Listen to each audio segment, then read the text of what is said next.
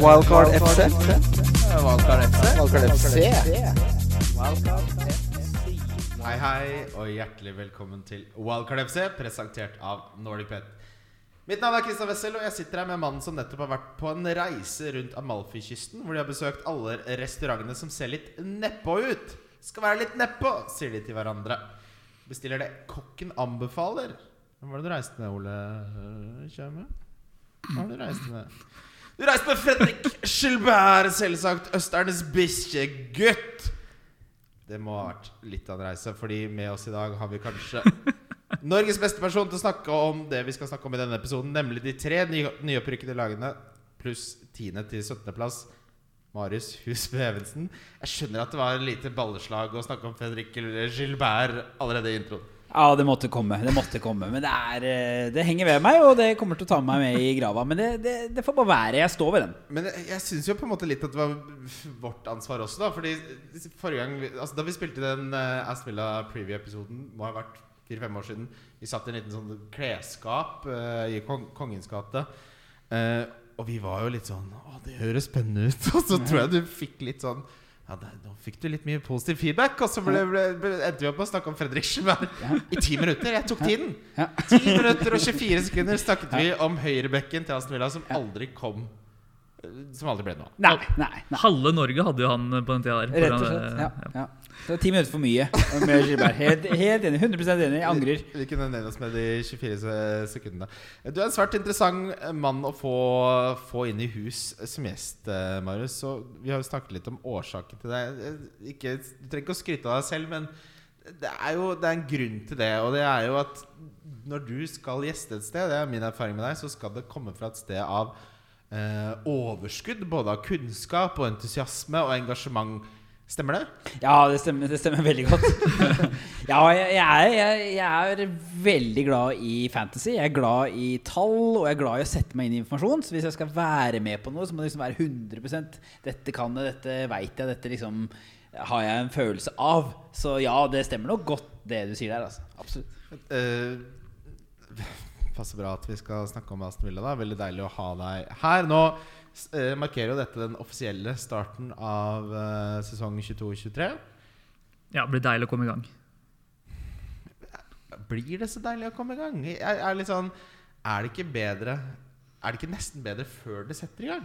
Jo, jo, men det er, det er deilig å komme i gang med at det nesten setter i gang. Ja, fordi det er det beste med Ok, vi er alle fotballmatch-nerder. Vi er alle nerder på å lese oss opp.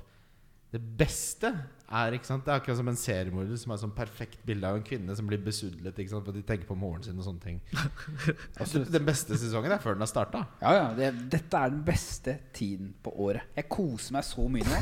Jeg, sitter, jeg, kan, jeg kan sitte i timevis med dette her. Jeg koser meg så mye. Så kommer sesongen i gang, og så er skuffelsen i gang. Ja.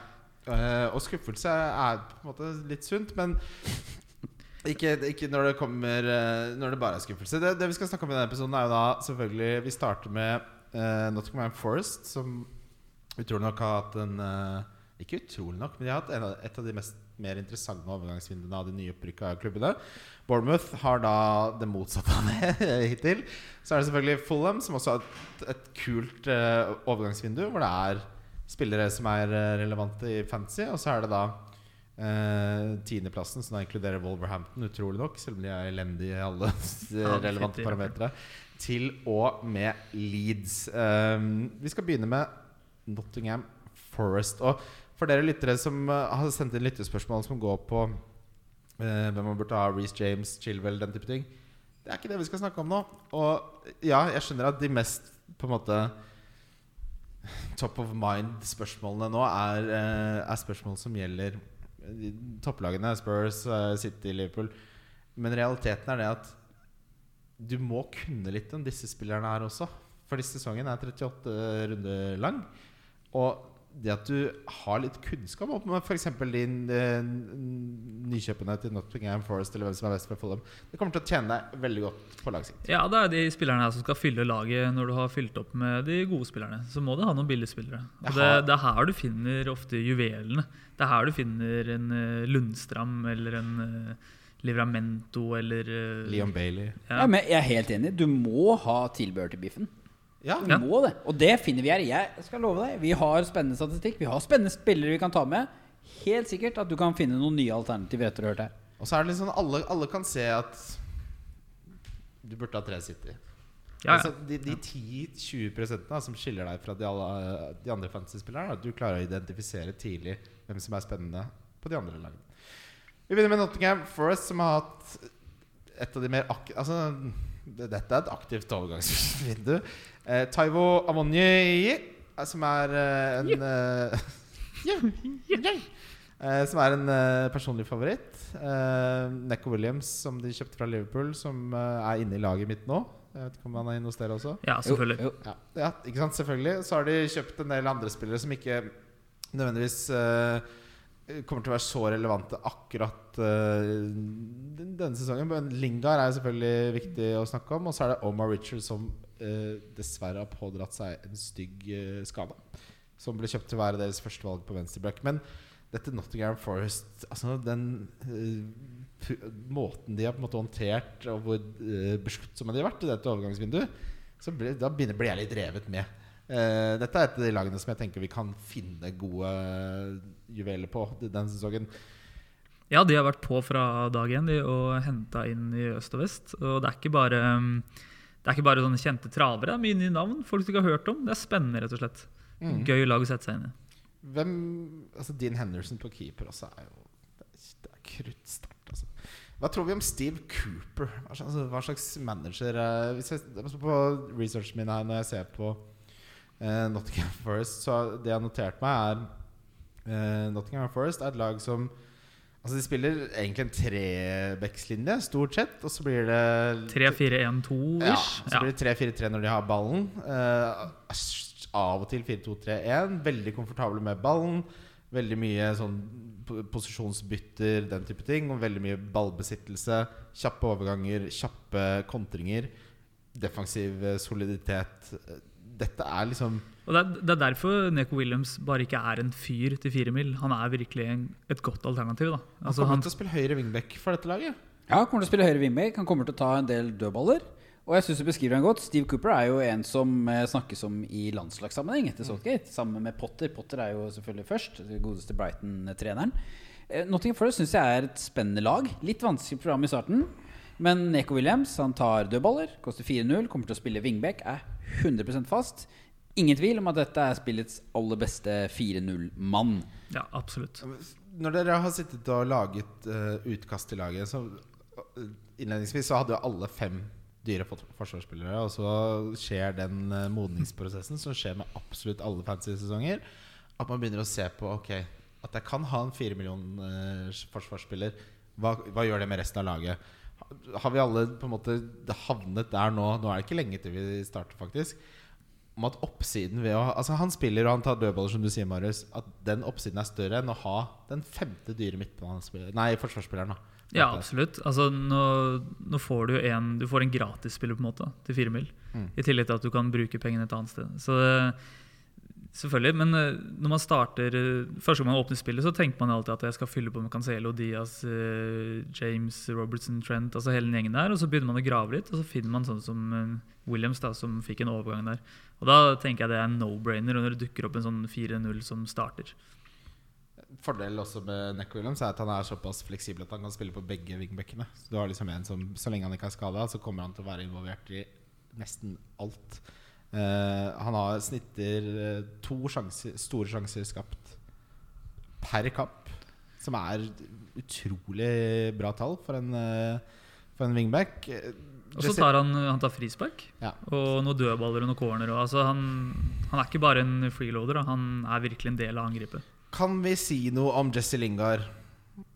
Eller er det, er det noe vits å snakke om han i denne sammenhengen? Han koster seks. Altså, da jeg så han hadde blinga seg opp og kjørte den der Jesse Links-greia hans altså, Fy fader, så glad jeg ble for at jeg aldri skal se en United-trøye noensinne igjen. Fytti helvete for en Hva er det som er så provoserende? ja, Det er vanskelig å si det, men det er, hele fyren er bare provoserende. Han danser på TikTok, da. Det, jo, det, jo- det kan jo være en av årsakene. Og jeg husker jeg hadde en sånn han spilte bra på Westham, så var det sånn at moren hans hadde vært syk, og det skal man ikke gjøre narr av. Ja, sånn. Men Kanskje det er noe hos han, da. Så er det bare sånn Det er jo ikke det. Du, ser, du, altså, du blir jo ikke bra fyr selv om moren Nei, er syk. det, det er noe gærent der. Men seks uh, mil uh, skal vel sikkert spille en lomma bak Nei, hvis, kanskje. hvis du sammenligner han med Martinelli, da. Han når ikke opp han når ikke opp fra start. Det er litt av problemet fordi Nottingham Forest har litt tøft kampprogram i starten. Ja. Så han skal jo gå inn i lomma bak Avonni og Brennan Johnson. Brennan Johnson liker jo å trekke litt ut mot høyre. Han har jo verdiser, samme som Neko Williams. Williams. Så jeg tror en veldig bra høyreside får vi, med mye fart. Eh, Dette er jo årets Sheffield United-lag, i hvert fall det mange vil tippe og tro. Da Ja. de rykket opp. eh, Stiller litt samme profil og har litt mer enn den uforutsigbarheten. Um, om Lingard er noe fra start? Nei, det tror jeg ikke. Det er for mange andre spennende til den prisen. Så blir liksom følge med. Men han kommer til å gå inn som tierrollen, og Nottingham Forest-fansen er veldig fornøyd. Men for Fantasy, dessverre. Ja. Eh, Så har vi også, skal også nevnes eh, callback, da. En 4-5 der. Som også Ja, men altså hvis man skal ha en 4-5 som spiller, så, ja, men- så er det callback. Vi kommer jo til uh, litt senere Eller ikke neste lag, men neste lag der igjen. Altså, Andreas Ja, callback spiller. Ja, han spiller, så du får en Ja, topenger. men da. jeg tror ikke så nødvendigvis så lenge. For Nei. han er fort en av de som ryker. De har henta O'Neill fra Huddersfield, som Ja. kommer til å bekle rollen ved siden av Colback. Og så er de um, flere andre som er på vei inn uh, i Nottingham Forest, og, er- og spesielt sentralt. Og da kan nok Colback ryke etter hvert. Ja, ok. Ja. Og så ser vi jo nå på de bruker, de, ikke, altså, de bruker ikke lang tid på å skaffe spillere, de som uh, rekrutterer i Nottingham Forest. Det er gode, flinke i jobbene sine. Men det er- er ty tydelig at de har identifisert Altså Av og til så kan man få litt inntrykk av at nyopprykka lag er litt sånn Faen, hvem i helvete er det vi egentlig skal kjøpe? Mens Nottingham Forest er sånn Ok, vi skal ha den spissen av en eh, Jeg kaller han Abo, jeg. Ja. Jeg klarer det ikke. Kaller det Jens. Ja, men sant? Det, det er tydelig at ikke de bare sånn Oi, nå må vi kjøpe en spiss. Det er en spiller de har scouta. Dette er, jo dette er jo ikke noe som de på en måte finner på mens de, mens de sitter Nei, nei. Så, og det, er liksom, det, har, det gjør at jeg får mye mer tillit til hele på en måte strategien. Og da, da tenker jeg også at manageren har sagt Ok, vi har den type spillere. Det er det som passer inn i måten jeg vil spille på. Det er et mye bedre tegn på at de kommer til å gjøre det bedre også. Det eneste jeg tenker er at det er litt mange nye spillere inn. At det Ja. kanskje tar litt tid Ja. før det setter seg. Og når det først setter seg, så er det litt ikke for seint, men da har du på en måte allerede gått på potensielt gått på noen tap og fått en dårlig start. da. Og det er kanskje litt av grunnen til at man holder seg unna Forrest, med unntak av Neko. Fordi han Ivony på topp, Ja. som du nevner, Brennan Johnson, er faktisk han som er forventet å gjøre det best blant Nottingham-supporterne. Av de to på topp. Ja, okay. Ja. Ehm, så det er litt vanskelig å si hvordan det vil bli med Lingard, Ivony og Johnson på topp. Eh, la kampprogrammet gå sin gang. La oss bare følge med, se hvordan det går. Og så ville jeg holdt meg unna alt unntatt Neko. Henderson kan det absolutt kjempes for. Ja. Med den trebekslinja som slipper til litt skudd.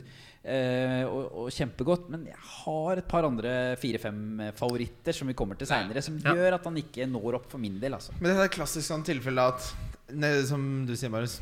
Neko Williams Han kan jo fint starte med resten. Ha nok ha liksom sånn Når de da gjør det litt bra, og tallene begynner å bli bra, så vil vi at du skal bare ha litt kjøtt på beina, så ikke du må lese deg på det helt fra scratch.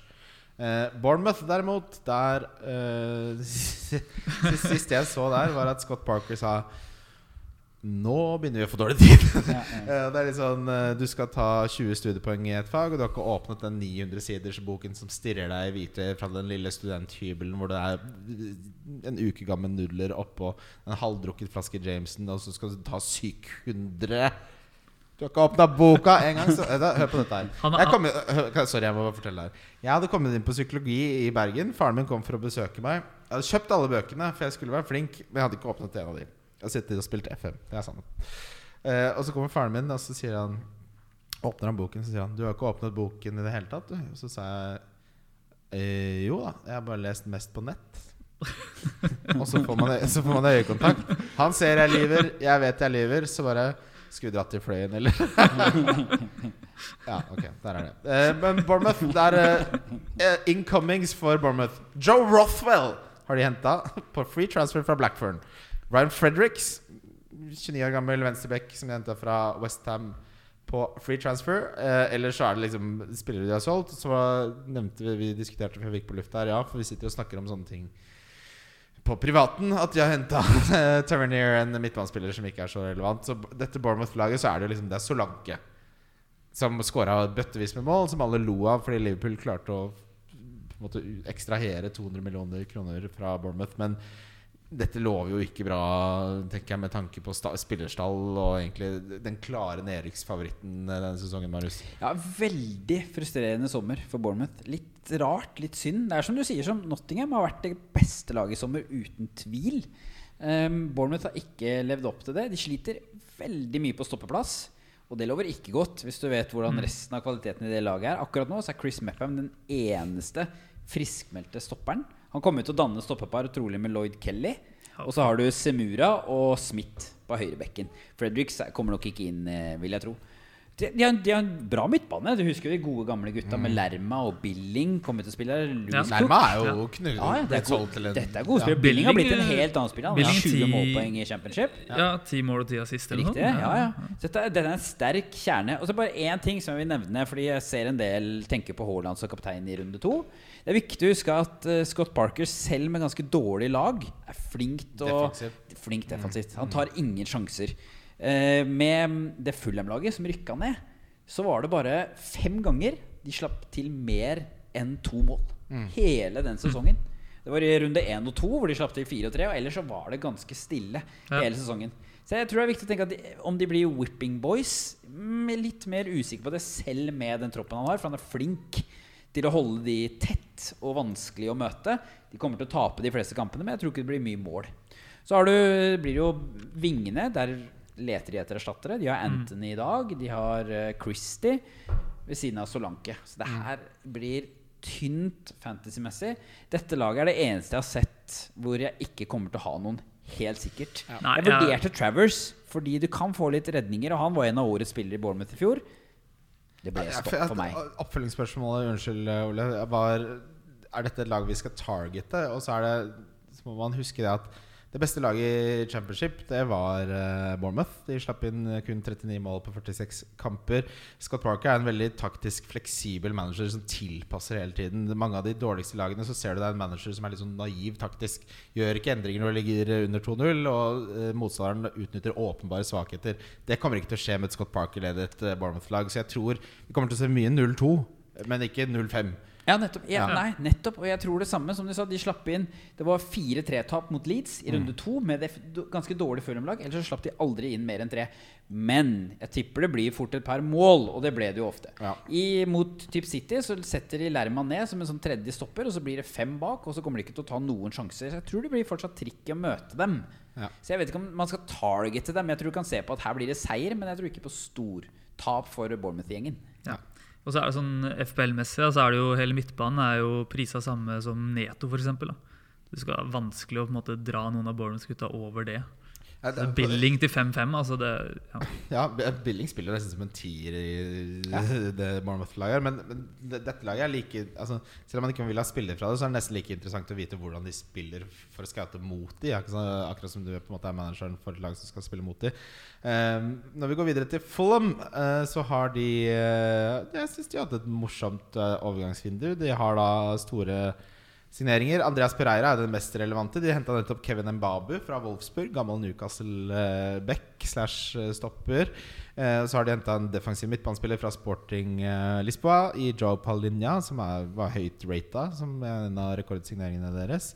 Um, Fulham vant jo um, Championship ganske overlegent og er et sånn De spiller da 4-2-3, en typisk Mitrovic som da bøtta inn eh, Og jeg husker jo mange eh, skulle ha han. Og jeg gjorde jo narr av Ole for at han hadde han på en draft. Ikke, du, ikke, ja, det tør jeg aldri gjøre. Jeg har aldri sett Ole reagere på den måten. Jeg ble livredd. Jeg visste ikke at du hadde så mye sinne i deg. Det er kanskje all den rolige pannfløytemusikken på fysioterapi, kli- fysioterapi, fysioterapiklinikken din i Kolbotn som gjør at når du først blir sint, så oppfører du deg som en kiropraktor. Men vet du-. Vet du hvorfor jeg ble så sint? Vi hadde hatt en nydelig dag i ski en dag før. Å ja. Perfekt dag i ski, hvor du hadde vist meg rundt og tatt meg med på den pizzasjappa? Ja, jeg bonda litt, og så bare slakter du laget mitt dagen etterpå. Ja, ja, men du må skjønne Det er en del av vår, vår relasjon. At jeg, jeg bygger deg opp, og så river jeg deg ned. Eh, men Det er livet, da. det, en ting man kan si om Marco Silva, da, er at han er ikke en, spill, nei, er ikke en manager som eh, roterer mye. Han holder seg til en startelver i stor grad. Veldig mye uh, gegenpressing, spille, spille ut fra på en måte firebeckslinja. Men du var inne på noe her, Marius, at hvis Mitrovic eh, ikke tar nivået eller blir skada her, hva faen gjør de da? Da er det tynt. Ja, og så, og så kan du liksom stille, stille seg litt sånn spørsmål Du har jo sikkert hatt Mitrovic før, tror jeg mange som sitter og hører på. Og det gikk til helsike. Ja. Eh, og så så jeg en treningskamp her om dagen òg, eh, mot ganske svakt lag. Da han skåra to. Og så så jeg et par tweets, da sto det sånn Mitrovic in a fight. eh, gets a yellow card. eh, almost a red in a friendly. Ett sekund seinere Mitrovic close to a hat trick. Der har du Mitrovic. Og så skal det sies at Mitrovic under Scott Parker er noe helt annet enn Mitrovic under Silva. Ja. Så jeg, jeg, kampprogrammet deres er veldig variert, men svakt hvis du ser på det sånn i, i Første seks da, hvis vi skal se på det, ja. Se første seks. Og der, og der syns jeg det er så vanskelig eh, program at jeg velger å, å hoppe av. Men jeg skjønner om flere velger å bli med nå. Jeg tror det, man, husker, man, man må glemme den Mitrovic man hadde før. Man må glemme det fulle man hadde før. Dette er et annet lag. Ja, altså De 6-5 så må du spille Du må spille den hele tida. Så da må du stå i Liverpool hjemme i Gameweek 1, Arsenal borte i Gameweek 4, Tottenham borte i faller Gameweek 6. Du er 0,5 unna Martial. Du er 0,5 unna han nye Westham-spissen som heter Scaracca. Scaracha. Skamacha. Skamacha, der ja. Det var nesten. Uh, og det er liksom den prisen Han har priset litt for høyt med tanke på det kampprogrammet. Til Ja, at han er riktig, ja. riktig. Han har riktig prisa, men pga. Ja, kampprogrammet ja, så blir det for Ja. dyrt. Helt enig. Ja. Og, Og så har de jo mista Carvalho. Ja. Ja, ja, ja så de, så de, de til Liverpool. Ja, ja, så, så, så, ja, sånn som, som erstattes av Pereira. Riktig. Ja, og det er jo nedgradering. Absolutt. Men så har de gjort noen oppgraderinger som jeg tror kan veie det opp. De har jo han Solomon fra, på venstrekant som de kjøpte, som jeg tror er et kjempekjøp. Ja. Han er jo er en, lit- en liten historie bak der. Han er jo spilt Manor Solomon. han spilt, han er en israeler som spilte Nei, på en Han heter det? Jo, han heter det. Så, Ja, jeg synes Ja, han ja, ja. heter Manor Solomon. Ja. Kong Solomon Ja. Ali. Jeg vet ikke om vi trenger å ta det, men google Kong Solomon, så får du en uh, interessant uh, israelsk historie. Men vi, men vi la politikken til sides, da. Så han spilte jo for en ukrainsk fotballklubb. Oi. Så der var det jo mye styr. Ja. Men han ble klar nå. Um, Igjen litt kontroverser rundt Fulham, men dere kan lese på det. Men uansett, han er en veldig god back. Skåra mot både Real Madrid og Manchester City i, i Champions League. Wing, hvis jeg sa back. Ja, han wing, kom, ja, wing, ja. Ja, han kan spille tier òg, ja, ja. Han og Harry Wilson kommer til å ha hver side av er- er- Elveren til Fulham her Harry Wilson er da en Fulham-spiller. Og så har de Palinja, som, var, som er en god eh, Kall det defensiv midt. Og så er det liksom Mbabu, som har vært en god back også. Det, det, er det her er ikke noe elendig Nei, nei. elver. Det er mange gode spillere her, og hvis de da får litt sånn individuell briljanse i tillegg til uh, en soliditet, da, en viss soliditet, så er, det, så er det, jo, det er jo ingen tvil om at det er det beste nyopprykka laget dette her. Ja, absolutt. Og de nærmer seg Leno i mål. Og jeg tror jeg kommer til å gå for Mitrovic ganske raskt etter at kampprogrammet letter opp litt. Harry Wilson, altså. Fy. Ja, jeg, jeg sjekket jo bare raskt innpå det Jeg sjekket jo statistikkene fra Championship. Hvem er det som var de spillerne som stikka seg ut? Prøvde bare å se de overordna linjene på det. Ja. Tre stykker. Det er Mitrovic. Helt klart øverst. Dere ser jo alle Beste spilleren. Ja, Ja. Men på nummer to og tre, som var de som stakk seg ut, Harry Wilson og Solanke. Ja. De tre som virkelig skiller seg ut. Solanke har jeg mindre troa på pga. den der litt sånn eh, konservative, defensive stilen til Scott Parker. Harry Wilson og Mitrovic god tro på at de kan få det til når kampprogrammet letter. Men vi har jo en annen stjerne der. Og skal jeg bare si én ting. Fulham sliter jo spesielt på, stoppeplass. Så der kan du ha muligens et lag å targete i starten. For det, det Vi kjenner jo godt til Silva. Han er offensiv. Tim Ream er ikke god nok for Premier League. Det vet Fulham. Fulham har prøvd å kjøpe stoppere etter stopper etter stopper. Jeg prøvde å kjøpe Diop fra Westham, som kanskje heller ikke går gjennom nå, for de mista jo deres nye stopper til en skade. Her sliter de. Så det, hvis du skal targete et lag, så Ja. tror jeg Hvis Tim faktisk Ream er i den hvis, Det er han. Han kommer til å starte Ja, ja, ja. nå, og det, han er ikke god nok. Nei, det er ikke Premier League-spiller. Nei, det er- Og det er litt sånn fra forrige gang Fulham var oppe òg. Da kjøpte de mye på slutten. Begynner å nærme seg litt nå. Nå er det ti dager til sesongstart, og det er ikke sånn at de har kjøpt for mye heller. Så Eh, de mangler Altså, de Men de mangler kjøpte, de kjøpte jo åtte spillere den siste uka ja, ja, gang. det, det, Det er et annet Fulham vi tror jeg ser nå, altså. Ja. Men de Jo, jo, har men noen sånne, noen sånne fylle en, eh, stygge punkter. de trenger å fylle en stoppeplass, og de trenger også å få inn en annen enn Pereira i tieren her. For han er ikke god nok til å spille tier en hel, helt, helt år i PL. Tror du ikke det? Nei. Pereira, jeg tror Pereira med altså, Pereira er jo en som folk snakker om. Ja, ja, nei, altså Preira er jo altså, av prisen så er han det mest, en av de mest åpenbare valgene på hele, hele denne sesongen. Til 4,5 der. Han kan spille boks til boks. Han kan bekle alle angrepsposisjonene framme. Han, han er ikke bare en tier, han.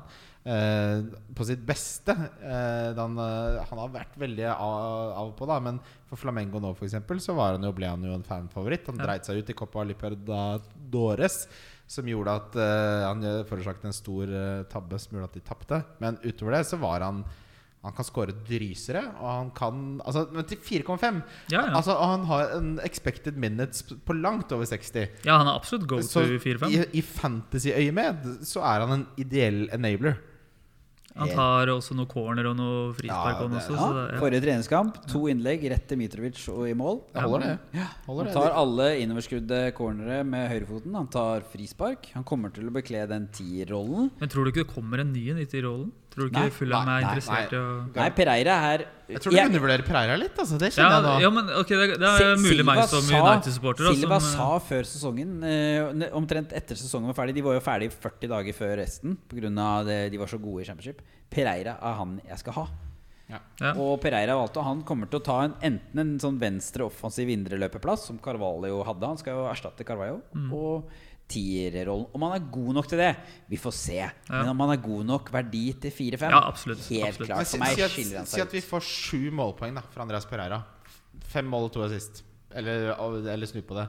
Så er det kjempeverdi. Ja, det er koster 4,5. Ja. Ja, ja, altså, og det, det mest satte i dette Follum-laget er jo midtbane og angrep, egentlig. Det er Forsvaret som er problemet. Og du kan slå det litt sammen med Neko Williams eh, på å rotere hvem som skal være først på benk. Så får du en ganske ok miks du de første seks-syv rundene.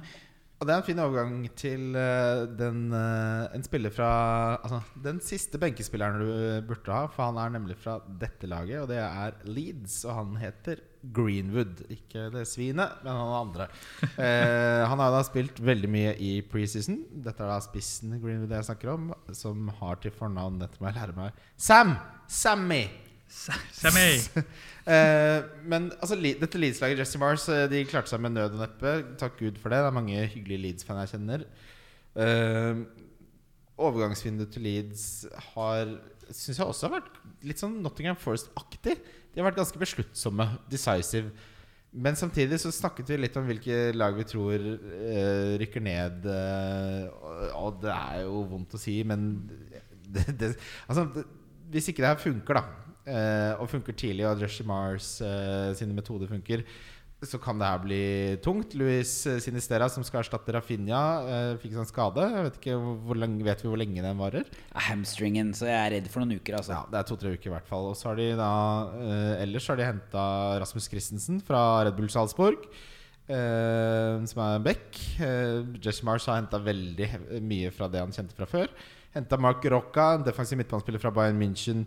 Brennan Aronson fra Red Bull Salzburg til en uhorvelig sum. Vet du hva han kosta? 33, er det ikke? Ja, 33 millioner euro. Det er, det er, altså det, er- Du får mye for 33 millioner euro. Altså. ja, det er en helt utrolig sum, egentlig, for en venstreback som ingen har hørt om fra USA. Eh, ja, ikke venstreback. Nei, okay. Nei, nei venstreving. Eller Ja, angrepsspiller, da. han kommer til å, han kommer til å Altså, han, eh, han er så passe spennende i fantasy-øyemed, tror jeg. Vi kan kanskje gå rett inn på den biten der, da. Mm. Um, til 5-5 så er det ikke altfor mange av dem. Vi, vi går jo litt inn på det. Han, Ja. han når ikke helt opp, men han Jesse Marsh prøver jo å legge om til en 4-2-3-1, Mm. som du kanskje skulle inn på, Christian. Eh, og da skal Aronsen være den i midten, sånn, eh, offensivt. Um, okay. Ble tieren. Jeg blir, han, blir, han blir den T-rollen. Og han er ikke sånn veldig god teknisk. Litt, kan se litt keitete ut. Men han er veldig god på løp i boks. Veldig god til å time. Veldig god til liksom sånn old school-tier, egentlig. da Ja, det kan du godt si. ja. Ja, det kan du godt si Og Typ sånn um, Ramsey, for de som husker han mm. fra En boks til boks bare lenger fram. Ja, riktig. riktig uh, Om han er verdi nok nå? eh, nei, selv om programmet er godt. Men det er en av de liksom, jeg ser for meg at de kan fungere godt i Leeds hvis han får uppa målpoengene. For han har ikke vært altfor god der eh, tidligere. Uh, Bamford er en av eh, denne sesongens mest feilprisa spillere, til 7,5, så han har det bare å ligge unna. Ryktes at han ikke blir klar til runde én nå. Det er- noen som spiller sånn uh, Den skaden skal vare i to måneder, så bare sånn Når det var skada ni måneder, så bare Hva er det egentlig som skjer her? Uh, og han er en av de spillerne Også nevne at jeg ser mange lag med, med Melier som keeper. Han var, til tross for å spille eh, nesten alle minutter, den eh, 19. ranka keeperen i poeng per kamp. Under tre poeng per kamp. Nei takk. Og det er tross mange savepoeng per kamp. Jeg jeg sitter og liksom Jeg får lyst til å kaste ut PC-en når jeg ser at folk vurderer den, for jeg skjønner det ikke helt, da. For Men da har de ikke sånn satt seg inn i ting, da. Nei, jeg er det er litt usikker. jeg. Kampprogrammet er fint. Ja. Kampprogrammet er fint. Greit. Men Melier er Han er den keeperen som har flest redninger Ja. i Premier League. Greit, jeg kan være med på det. Han har dårligste redningsprosenten. Ja. Han er den som har sluppet inn flest mål av alle keeperne med tanke på skudd de får. Altså denne expected goals against. Expect- Ja, nettopp. Han er så langt under resten av gjengen. Jeg skal, mye av det skyldes jo eh, godeste Bielsa, som var i Leeds. Så sjekket jeg litt. Ok, når dro Bielsa, og når kom Mars inn? Skjedde det en stor forandring? Nei. Nei. Mars, eh, etter at Mars kom, så ble de bitte litt dårligere defensivt. Greit, han skal få mer tid til det. Og det blir mye dårligere offensivt. Så her er det ikke, ingen bevis på at dette skal bli bedre. Det er heller et håp. Ja, Det er sånn lykke opp framme. Sånn jeg håper Ja. at fordi han redder mye, så kanskje holder de mer clean sheet. Men det er, sånn, det er ikke basert på noe som er relevant. Nei, jeg mener at liksom, Vår rolle er på å prøve å gi noen råd på disse tingene her. Og da vil jeg si at Melier ville ha holdt meg langt unna. Og så skal det også sies, de sliter jo fryktelig med skader. Ailing Ja. er ute. Dallas er ute. Ja. Firpo er ute, uten at han er den viktigste. Man blir jo viktig når ja, alle andre ja, skulle jo starta det for de, hvis han hadde Rikt, ikke fordi. Dallas også er Ja. ute. De har solgt Phillips, de har solgt Rafinha. Her er det mye Og Sinistiere er skada. Mm. Eh, Bamford blir trolig ikke klar, så det er sannsynligvis Gellhardt til 5-5 som kommer til å starte på topp. Han er heller ikke nødvendigvis god nok til å starte der. Og Som, til som også er uaktuell hvis vi skal spille en sånn 4-2-3-1. Nettopp, nettopp. Og da får du en stroik på venstre kant, f.eks., som så- Det så ille. ikke er Men det, er, men det er derfor vi snakker om at dette er en potensiell lederskandidat. da. Le- Legg sammen alt Ja. dette her. Hvis du, og, og statistikkmessig så er dette det dårligste laget som ikke rykket ned Ja. i fjor. Slapp til flere skudd, flere skudd på mål. Alle disse Wolverhampton, liksom, statistikkene. de samme Men og bare til alle Leeds-supportere som hører på det er, det er, Jeg har stor tro på at dette kan bli bedre. Absolutt. Ja. Men vi, vi kan ikke på en måte velge til Game Week 1 ut på hva vi tror kan bli bra etter hvert. Det kommer til å bli en trang fødsel for dette Leeds-laget. Men av eh, de spissene til 7-5, da, siden du sa han var den dårligste Eller bomprisa Han er faktisk av de spissene til 7-5 den som hadde best XG per 90 i fjor og forfjor. Hvis du sammenligner ja, Watkins fjor og forfjor, Jo, men altså da sånn- begynner vi å være jo, jo, men altså, ja, men han var jo skada nesten hele fjor, da. ja. Jo, jo, men du, Altså, altså, sånn, den, det, hvis du sammenligner med Watkins, Wilson og hva er den siste ja, han hadde en 7-5? drømmesesong den sesongen han var frisk. Altså, han, ja, jeg kan være enig, men når man begynner å gå så langt tilbake og se på tall fra to sesonger siden uten kontekst, så begynner man å gå i en felle. Og det ser jeg mange gjør på Twitter også. Jeg sier ikke at du gjør det nå, Ole, men sånn Nei, men med Folk det, begynner å liste opp sånn Ok, de hadde så og så mange skudd da. Eller han hadde den XGI per 90 for to sesonger siden. Så glemmer man at de har mista Callum Phillips. Men han glemmer at de har mista Ja, ja. Rafinha. Så begynner det, Når konteksten mangler der, da Så begynner jeg å bli svært svært bekymra. Så trekke opp XGI per 90, da Så da begynner jeg å bli bekymra. ja, men du må se det i sammenheng med det åpningsprogrammet. Da. Nå er han jo skada, åpenbart. Da. Men eh, hvis han ikke hadde vært det, så syns ikke han hadde vært så dummeste valget hvis du skulle valgt en spiss til Jeg synes det hadde vært det dummeste valget du kunne gjort. Jeg skal passe på at dere ikke slår seg. Men jeg, ta med en Avinni. ja, ja, ja, ja, det som er problemet, er kanskje aller mest, da, for å si det enkelt, eh, det er altså, forventa minutter. Ja. Han eh, Jeg har hørt på flere Leeds-supportere, har spurt dem, og han så veldig rusten ut i de minuttene han har fått i preseason. Da, da, da er ikke Ja, da, det noe han er to, to måneder unna Hvis han, eh, hvis han er, nå endelig blir helt skadefri, så er han to måneder unna å være i, i, i toppkappform. Eh, nå, skal, nå kommer jeg sikkert til å måtte spise mine ord i november, Ole. Nei, da, men flaske det, jeg er helt enig. Altså, Se på fyren, han er jo så bleik. Det er jo åpenbart noe feil der. Det, ja, men det er noe blodigler der. Altså, det vet ikke. Det, Ja, han er anemisk! ja. er mitt favorittord. Det vet vi jo veldig godt. Ok, veldig bra. Eh, Leeds, det, det blir, eh, det blir Vi skal, skal, skal bli å få litt tid. Eh, Everton Takk. Everton uh, Everton er et lag som, uh, som jeg også tror kommer til å rykke ned. Det er liksom det er så mørkt. Jeg har vært inne og sett litt på, lest litt på forumer og på Everton-Twitter, og fy faen, alle er så bæl negative. Det, altså, det er det verste jeg har lest. Jeg blir deprimert av å lese det. Folk henger opp plakater og bare Ken Wright ut, og det, det er Nå har de signert Ruben Vinegar. Ja. Det, men det, det her er mørkt, da. Altså, de har ikke det er, De brukte jo en milliard spillere på ingen, Nei, milliard, milliard kroner på ingenting. Eh, deres beste angrepsspillere nå altså, det, Man kan argumentere for Dominic Calvert-Lewin har jo ikke vært seg selv på lenge. Du kan an, uh, argumentere for at den mest spennende offensivspilleren de har, er uh, Anthony Gordon. Ja. Ja. Og til 5-5. Altså det, det er det eneste spilleren jeg kunne sett på å vurdere. ja, for de driver og prøver på en sånn 4-2-3-1-opplegg med Gordon i midten her, er det det? Ja, han spilte vel ikke det, Altså De skal jo spille 4-2-3-1 med Dominic Calvert-Lund som, som nier ideelt sett. Og så har de Våby, som de har en rangun bruker på den ene kanten. Og så har Gordon spilt litt rundt det. Og så har de eh, en annen skuffelse i DeMarie Gray eh, som egentlig ikke holder dette nivået. De har blitt priset deretter. Den dyreste midtbanespilleren koster 5-5, og de har priset ikke én, ikke to, men åtte midtbanespillere til Everton eh, til 5-5. Så det sier jo at de har jo ingen anelse om hvem som Ja, egentlig skal bekle disse rollene. Dominic Calvert-Lewin derimot har blitt overpriset noe så voldsomt til 8 millioner, som er det totalt mest uinteressante. Tenk deg å sammenligne Gabriel Jesus til 8 med Dominic Calvert-Lewin til 8. Da, da får vi liksom en liten idé av hvor stor forskjell det er innenfor visse prispunkter. Og på forsvarsplass er det jo Dette er jo et av de dårligere defensive lagene. Det var det forrige sesong. Det har, det har ikke vært noe endring der nå.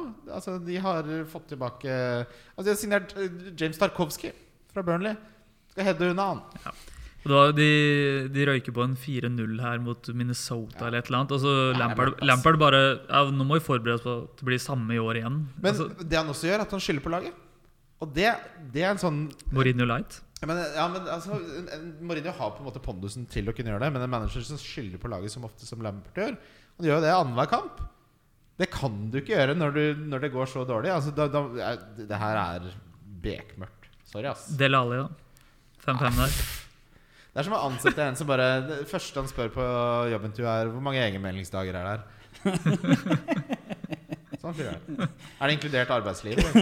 Ja, ok, men, men si Ok, snu på, da. Si Calvert Loon blir skada. De har ikke noen andre spisser. Sa Salomon Rondon, da. Ja, faen, det er sant. De De, har Rondon, ja, de de har Rondon, de! De har Rondon i treningskampene, så det er det Han er en av de dårligste spillerne i Premier League. Ja, det, det er det som er synd, fordi jeg så siste treningskampen også mot Blackpool. Han vant til 4-2. Klarte å slippe inn to mål der også, Ja. med trebekslinje Ja, ja. Eh, La oss adressere et par ting. da Det ene er jo Patterson. Han koster jo 4-0. Han har starta det meste av preseason, men der skal Coleman inn. Ja. Man kan Ja. si hva man vil om Patterson, men, men eh, Lampard er klar. Eh, Coleman er vår kaptein. Vi gleder oss veldig til at det er tilbake, og de kommer til å velge den rutinen. Det er 100% sikkert. Ja, men Hvis du går på Everton-Twitter, så er det bare sånn Coleman has lost his legs. Ja, jeg har lest det. Og Patterson Men jeg, jeg, uten å ha ringt Lampard, så føler jeg meg veldig sikker på at han eh, og, og, og, og, og hvis du velger liksom Patterson på laget ditt foran Neko, Ja, da- tenker jeg at du må gå ut og, og ta Du må rett og slett gå en tur. Ja. Og bare tenke over hva du gjør med livet. Og det andre er liksom hva Mykolenko og får jo nå konkurranse fra Vinagre, så han forsvinner. På midten er det ingenting. Og offensivt er det to mann som stikker seg ut, sånn statistisk sett, da, for å ta det. Eh, Det er Gray, og det er Gordon. Og Gordon kan jeg til en viss grad skjønne at man er frista av. Han skal ta enten høyreving eller tieren, men det når ikke helt opp. Jeg Men klarer ikke å liksom Altså, sitte hvordan skal en 21 år gammel gutt som er omringet av så dårlige spillere og så dårlig manager Hvordan skal han klare å gjøre alt dette alene? Det var det han nærmest gjorde forrige sesong. Dro Ja. ting opp av hatten. Det er jo helt Og da hadde han jo Richarlison rundt seg. Ja, nettopp. Som brøyta opp og ødela og tok oppmerksomhet. noe, liksom. Nettopp. Hvem er det motstanderen skal bry seg om nå? Det er jo faktisk Gordon. Ja. Det er Gordon de kan binde opp. De kan binde opp Gray, og så, og så er det Everton-laget kommer til å stampe. Så her ser jeg mørkt på det. Og som du, som du var inne på, kanskje også, det var at uh, Calvert Lewin sliter med en skade. Ja. Gray sliter med en skade. Selv om kampene fra jeg tror det er Gamic 2 til 6 eller noe sånt, de har en helt sånn grei periode i midten her, så er det også et lag jeg velger å holde meg greit unna. Jeg ser- jeg fø- føler liksom at uh, Bamford og Dominic Calvert-Lewin er litt sånn i samme greie. At de har en sånn ubestemmelig skade som presterte bra for to sesonger siden. Ja. Har sikkert bra expected Nettopp. Og så er, de, og så er de prisa deretter, da.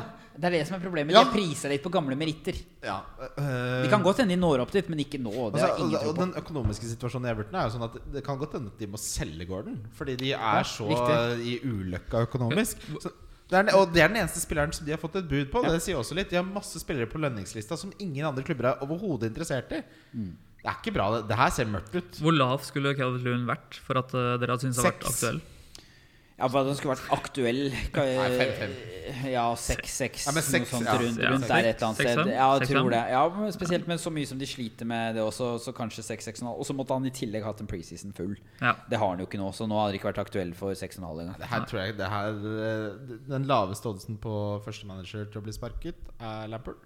Mm. Uh, og det er det en grunn til. Det, jeg så et intervju med Dokoré. Han, han sa at jeg, jeg har vært i nedrykksstrid hvert år med Watford, men det med Everton verste jeg har vært med på. Ja. Det var jo sånn det presset der. Alle forventa så mye mer. Og bare i Watford, alle jeg forventa at du skulle rykke ned. kontrakt, signerer gjerne ny kontrakt, det ja, ja. Det er veldig, veldig rart. Jeg trives ikke i jobben min. Det er den verste jobben jeg har hatt egentlig siste året. Men jeg, jeg tar gjerne mer, altså. Hvis det er bare en liten prat med HR, så er jeg med. jeg, Altså. Men HR Han er en halvtime nå, tror jeg. Jeg må Ja. bare Ja, du, men jeg tenker vi tar en liten pause, så tar vi noen lyttespørsmål. Så tar vi Southampton etter det. Kjære, kjære lyttere. Fy fader, så hyggelig at dere hører på. Tenk å være sammen med meg, Ole og Marius i en av uh, kalenderens fineste dager, innspillingsdag for denne previewen. Vi har stelt i stand noe litt annet hyggelig for dere også. Vi prøver å gjøre så godt vi kan for å gjøre det hyggeligst mulig. Det blir Bobo Cup. Bobo Åpningshelgen. Hvor det da er lørdag 6. august, eh, som er dag 1, søndag 7., som er dag 2, og mandag 8., som er dag 3. Dere kan vinne en eh, VIP-tur til Manchester United hjemmekamp. Hvilken kamp det blir, blir må vi finne ut av. Dere får hotell til deg og en kompis. Og du får fly, selvfølgelig. Det, det, det må dere kunne snart. Jeg, kommer til å legge ut en landingsside. Men, sånn. men det blir i hvert fall Bobo Cup nå. Eh, åpningshelgen. For nye lyttere da, så legger vi ut en guide. Ja da. Ja, vi gjør det. Eh, Ja, Vi har nye lyttere, Kristian. Ja, det, jo, men det er bra. Og så vil jeg også nevne Hvis du har kompiser som ikke har hørt på valgkart før, tips, tips en kompis. da Tips en venninne. Tips en, en Tips du ikke liker òg. Og vet vet, jeg eh, vet du hva jeg har erfart i sommer? Tips alle. Jeg har fått Jeg har møtt fire nye uh, venninner. Venninner òg, ja. Ja, altså, jeg har altså, ja, som har blitt venninner, da. Mm. Shout-out til Ida. Nei. Shout out.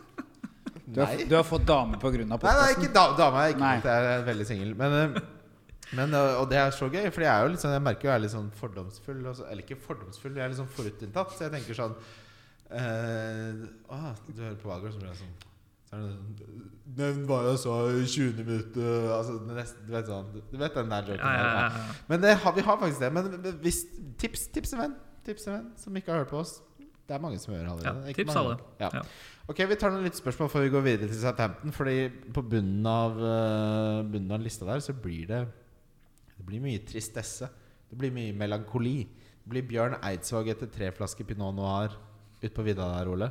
Det eneste jeg ønsker Ja, der, ja. Det var akkurat det jeg ville ha. Perfekt. Det er litt koselig også. Ja, det er, det, er, det er det som er med melankoli. Det er trist, men det er koselig. Mm.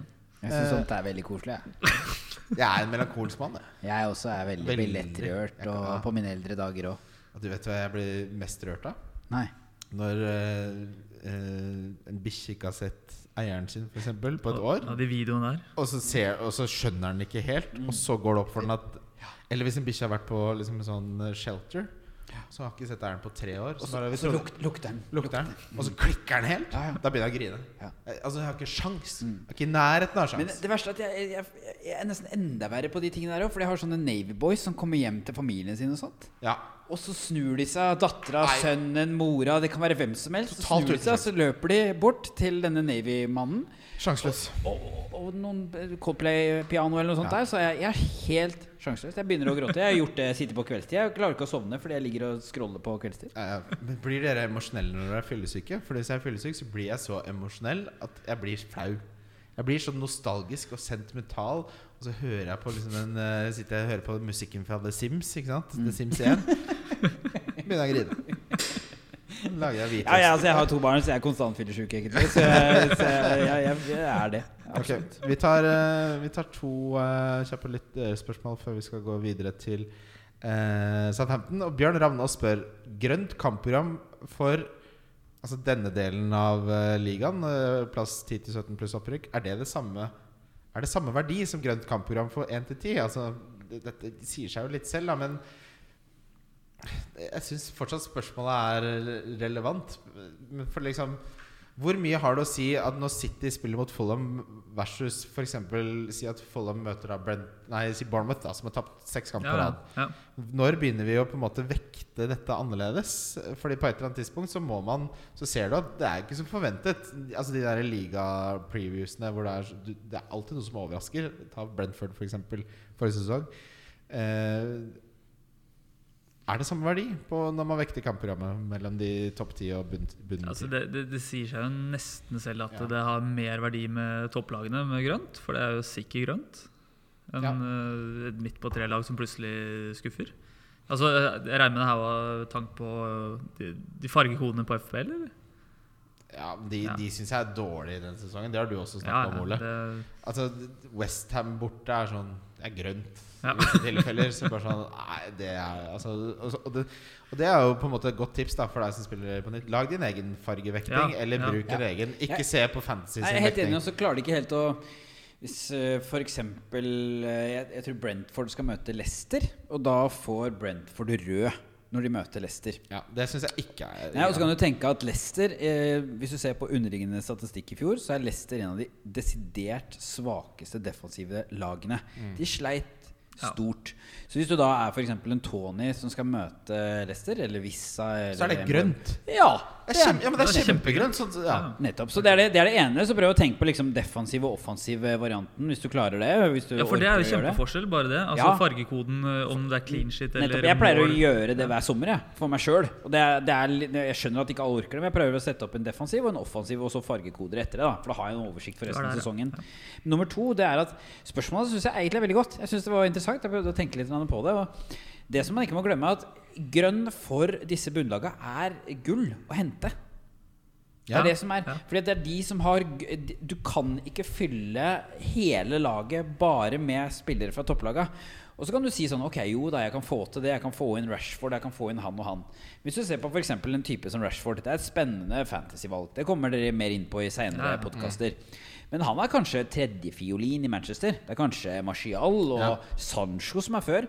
Er da Rashford, som er tredjemann, bedre enn en talisman i et dårligere lag med grønt program? Ja. F.eks. Tony da i Brentford, som vi kommer inn på seinere. Er det faktisk bedre? Som kommer til å blomstre i de grønne kampene. Ja, altså, Jeg- og, de, og de er main man. Ikke sant? Det er main man mot dårlige lag. Det er det du vil helst ha i Så jeg holder en Tony foran en Rashford, for å ta et Ja. eksempel.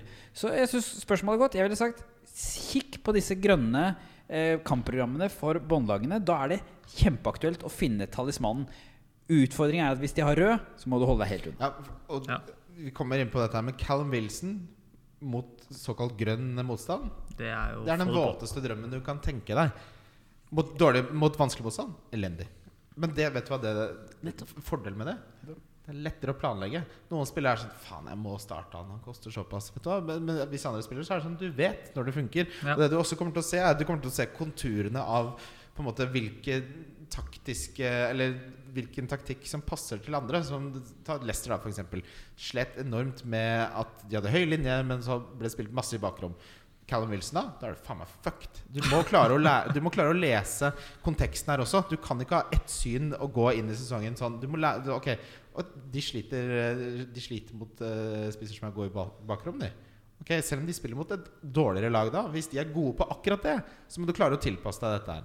Så jeg vet du hva, det spørsmålet et spørsmål der er mye bedre enn jeg hadde egentlig Ja, jeg jeg synes reflektert er over. kjempegodt. Så ikke ja, glem å gå for talismaner i båndlag foran fiolin nummer to, tre og fire i topplag, bare fordi de har en drakt som du tenker kan gjøre det bra lagmessig. Ja, for jeg ser, jeg ser det på folk som legger ut draft og sånn, at ja, nå fant jeg fasit, så er det sånn Ja, du har, du har rødt og lyseblått. Ja. Det er det. Du har fått, du har fått trøkka inn flest mulig Spurs, Liverpool, Manchester United og, eller Manchester City.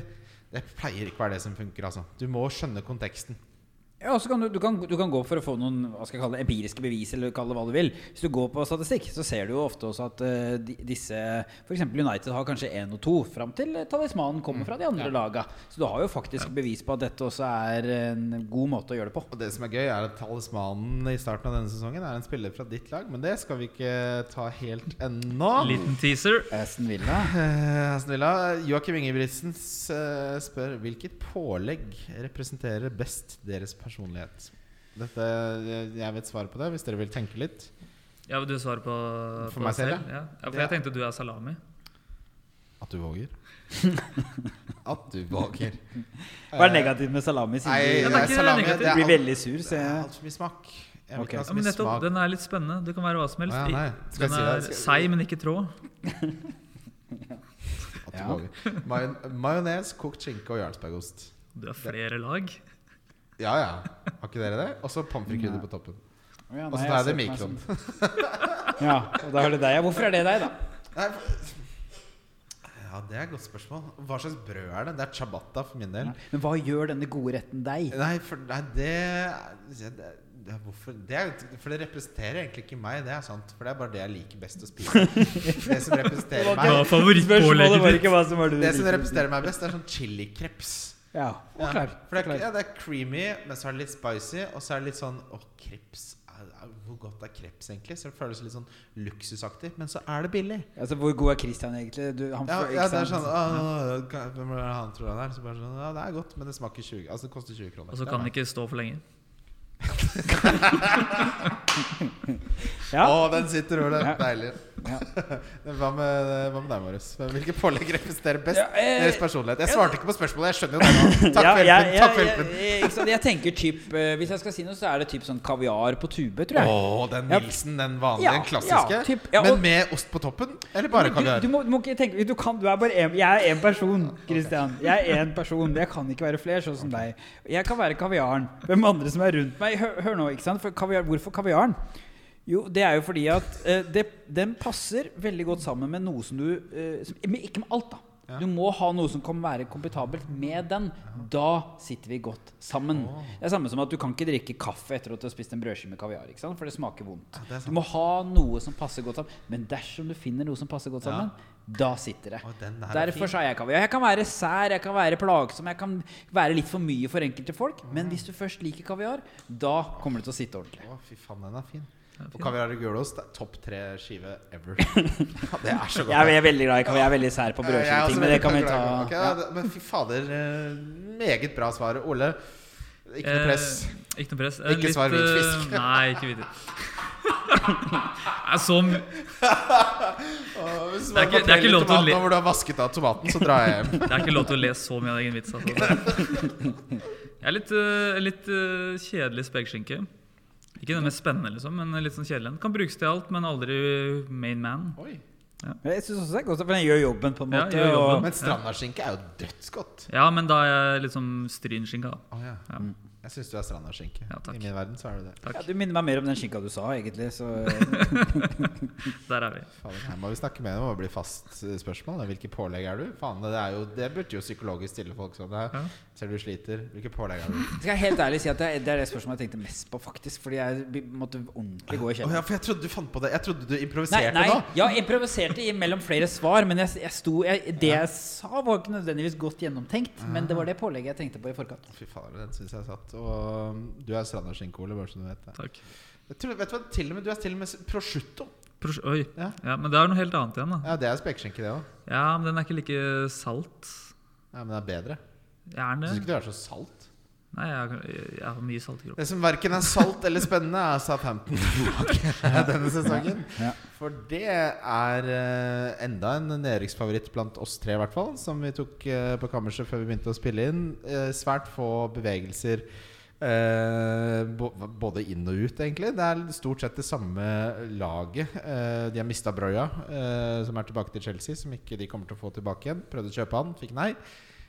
Jeg ser ikke noen egentlig forsterkninger i dette laget. De- Forferdelig kampprogram i starten. Ja. Ja. De henta- de Maya, 19 år gammel spiss fra Frankrike, fra Bordeaux. Ja. Som uh, er dyreste tenåringskjøpet i Europa i år. Eierandel på 0,0.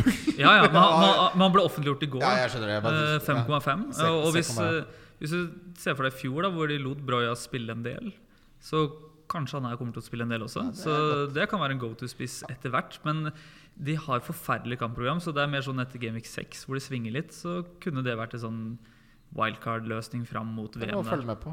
Ja, og så litt skryt til, til Southampton nå, da. Ja, de, de, de har jo en veldig ensretta profil, som de alltid holder. De har henta unggutter fra City, de har henta unggutter fra overalt. De har ny keeper i år. Ja. Gavin Basunu. De kommer til å endre taktikk. Ja. De går for en trebekslinje i år. Mm. Eh, De har jo henta Aribo, som er jo kjempespennende etter hvert. Ja. Men, men altså Hasnittel Hver gang ting går mot han, så slår han om til den 4-2-2-2-en. Så jeg, det, det her har- jeg ser også veldig sånn stort potensial for at det går dårlig med en uh, trebekslinje, og så slår han over til 4-2-2-en, og så Jeg leste fra en Southampton-reporter at Ja. de, de, de, mye av det Hasseluttel har vært redd for, er å gå på sånne 9-0-smeller igjen. Ja. Så han har lyst på en trebekslinje, rett og slett for at de skal kunne rydde litt opp for hverandre. Ja. For han tåler ikke en til av de. Nei, nei. Og han er en av de som nok eh, frykter jobben litt, så han prøver å se på nye måter å gjøre det på. Selv om han, de stoler mye på han, og de har lite budsjett i Southampton. Så, og så er Geneppo, da. En gammel wildcard-favoritt eh, på venstre bekken. Kjør meg til. Jeg Nettopp, nettopp. nettopp Og så blir det Adams og, og trolig han godeste her på topp, men det. det, Chenems klarer jeg ikke å begeistre meg for. Altså. Det er, Nei, og det verste er at han skal være den som skal liksom bære Southampton. Det har jo blitt sånn. Selv om han ikke har starta alle preseason-kampene, så har jeg forstått på Southampton-fansen at han skal bære de. Det er jo en Stuart Armstrong, for de som har fulgt med veldig, da, har jo spilt spiss i preseason, men han kommer til å gå ned som en midtbanerolle igjen når sesongen starter, pga. Nykjøpet som du nevnte. Men dere, altså den spilleren som har høyest eierandel her, er jo kanskje ikke noe overraskelse. Eh, Ward Prowse. ja, eh, med 10% Eneste som er over Eller som er tosifret for Southampton. Stor, majoriteten av de andre er én eller eh, lavere.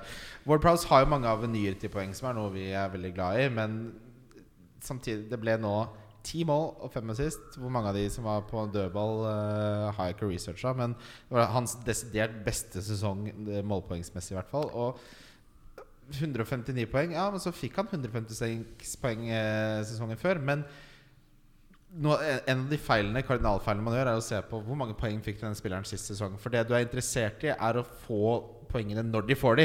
Ja. Total poengsum er Amen. helt Ja, irrelevant. du må, han må du sitte med i ti runder, og så plutselig kommer en sånn 16-burger. Ja, og du vil ikke sitte på en spiller Nei. til 6,5 i ti runder når han får to poeng fem av så hvis du skulle lagd et zombielag Ward Prowse, ja, førstemann da på kunne det blekka. funket. Jeg er så enig med dere. Og James Ward Prowse er et sånt draft-lag. Fordi Ja. du skal alltid velge spillere som kan levere i åpent spill og har dødballer som en ekstra greie. Du skal ikke kunne relatere alt til dødballer. Jeg sjekka jo det du var inne på her. Han hadde to mål i åpent spill. Ja. Resten er dødballer og straffer. Og det er kjempefint, men da veit du ikke om det går ti kamper Tilfeldig. uten Det noen er ting. tilfeldig når de Du kommer. kommer, aldri, du kommer aldri til å sitte der som en tålmodig mann i seks runder og vente på at det ikke kommer noen ting, for du veit det kanskje kan komme noen frispark og straffer. Hvordan skal du forutse et frispark, direkte frisparkmål? Det er Og så er spiller det ikke nødvendigvis så stor rolle om de møter en enklere motstand heller. Fordi Nei. Da får de kanskje ett til to frispark mer, fordi de er mer offensive. Men allikevel så kan de like greit komme mot City, mot Chelsea, mot United. Mm, Disse frisparkmålene. Helt enig.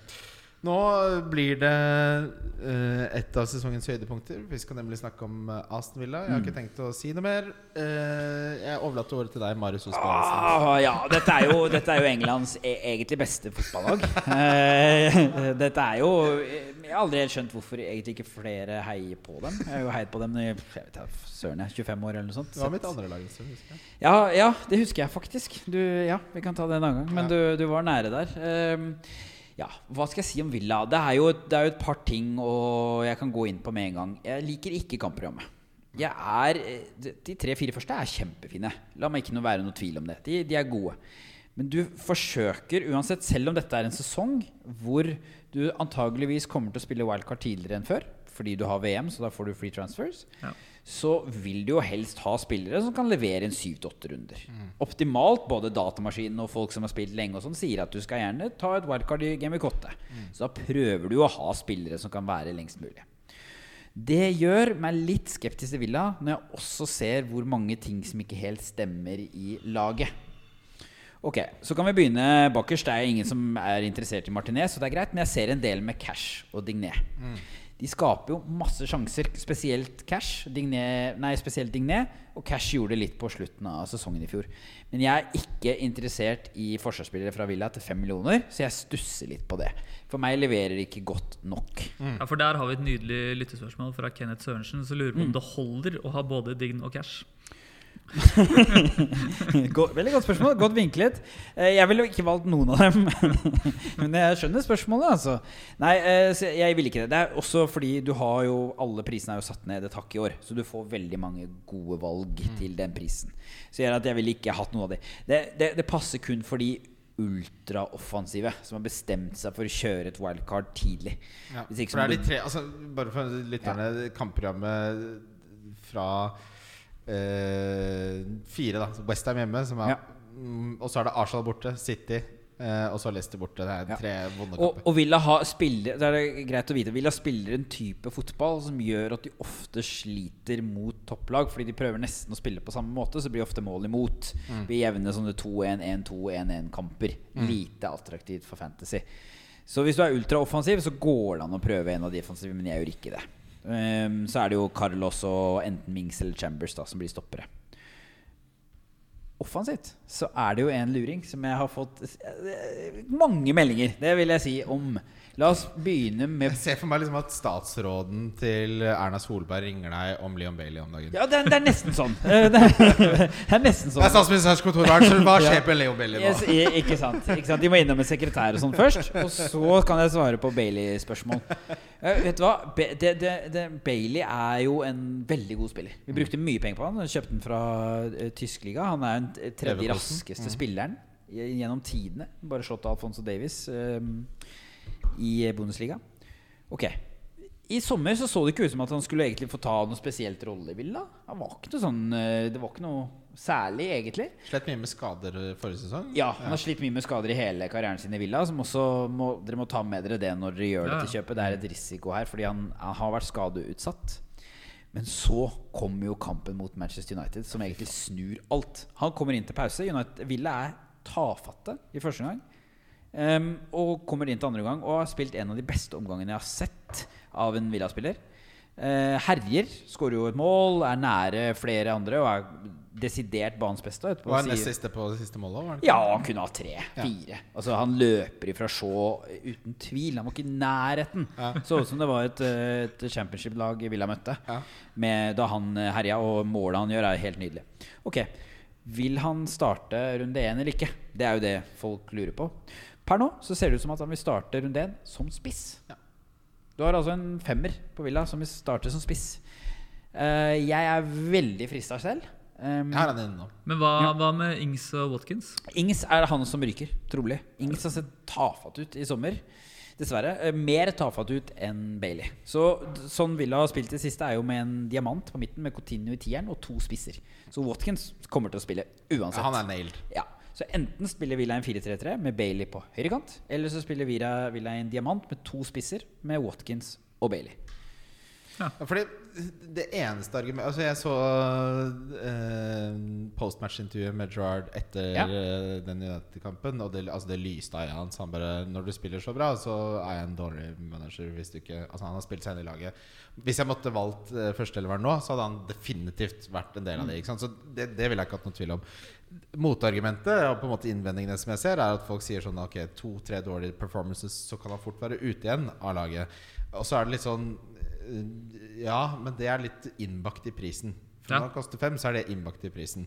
Og så Et annet argument som jeg syns er et dårlig argument, er den, der, den strukturelle utfordringen med at hvis han da mislykkes, så er det veldig vanskelig å få en annen spiller til fem. Og da er det litt sånn skal, Da blir du for konservativ for meg. For hvis du ikke kan jage den oppsiden det Liam Bailey, som uh, spiller på den måten, som da kommer til å spille out of position mest sannsynlig, representerer med de tre åpningskampene til Aston Villa Hvis ikke du kan bake inn den risiko, uh, risikoen i den starttropp, da spiller du for konservativt. Ja, jeg kan støtte den. Og så er det også et par, par andre ting her. Bailey tar cornere. Bailey tar frispark. Hvem vet om Bailey skal ta straffer? Straffer er åpent opp. Ja. Coutinho bomma. Bomma på returen, så Coutinho kommer ikke til å ta dem. Watkins har bomma mye før. Ikke så mange offensive spillere igjen rundt Bailey, men han hadde jo en assist, som du nevnte, i den United-kampen, på cornere.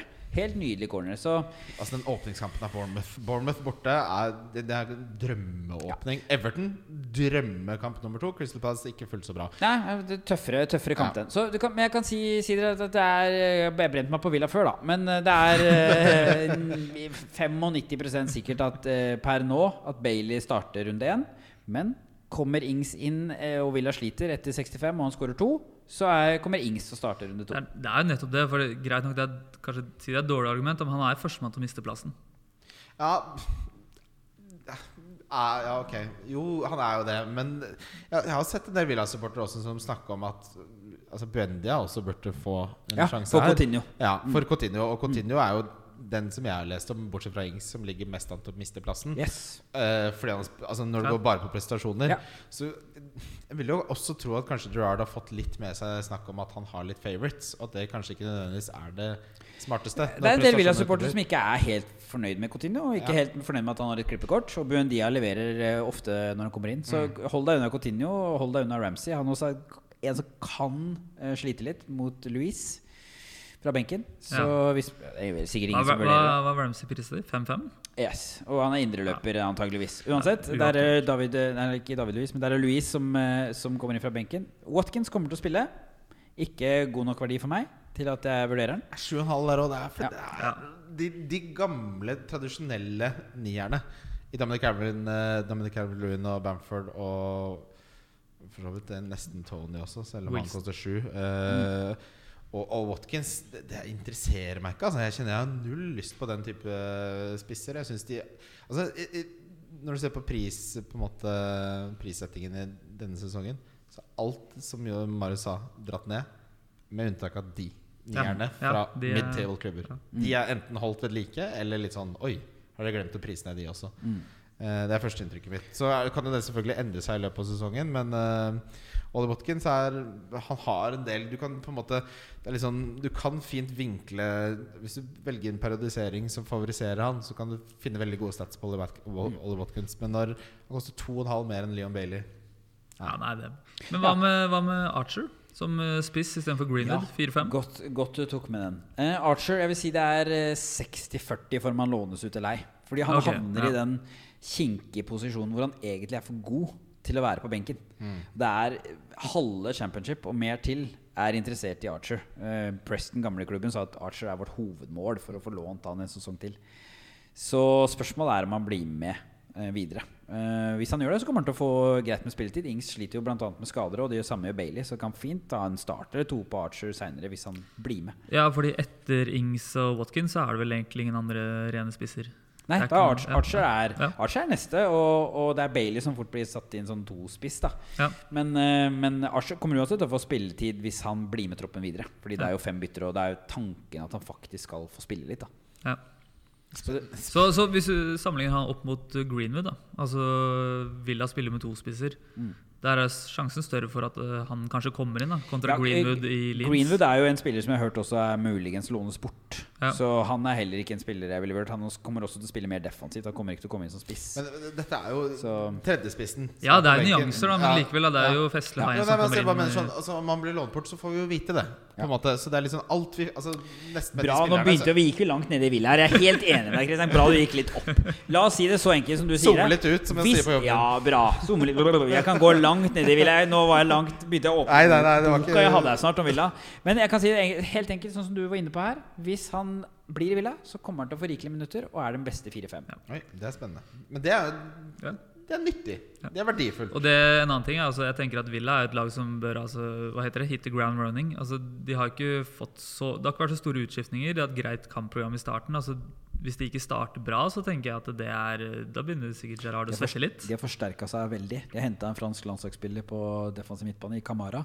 De henta Diogo, Ja, det er sant. Diogo- Diogo, ja, fra Diogo Carlos Ja. fra Sevilla, som er kjempegod. Ingen andre kjøper han fordi han er 29, Nei. men han kan få et par år i Villa, han. Ja. Og de har erstatt Konsa eller Mings kommer til å ryke, kanskje begge to.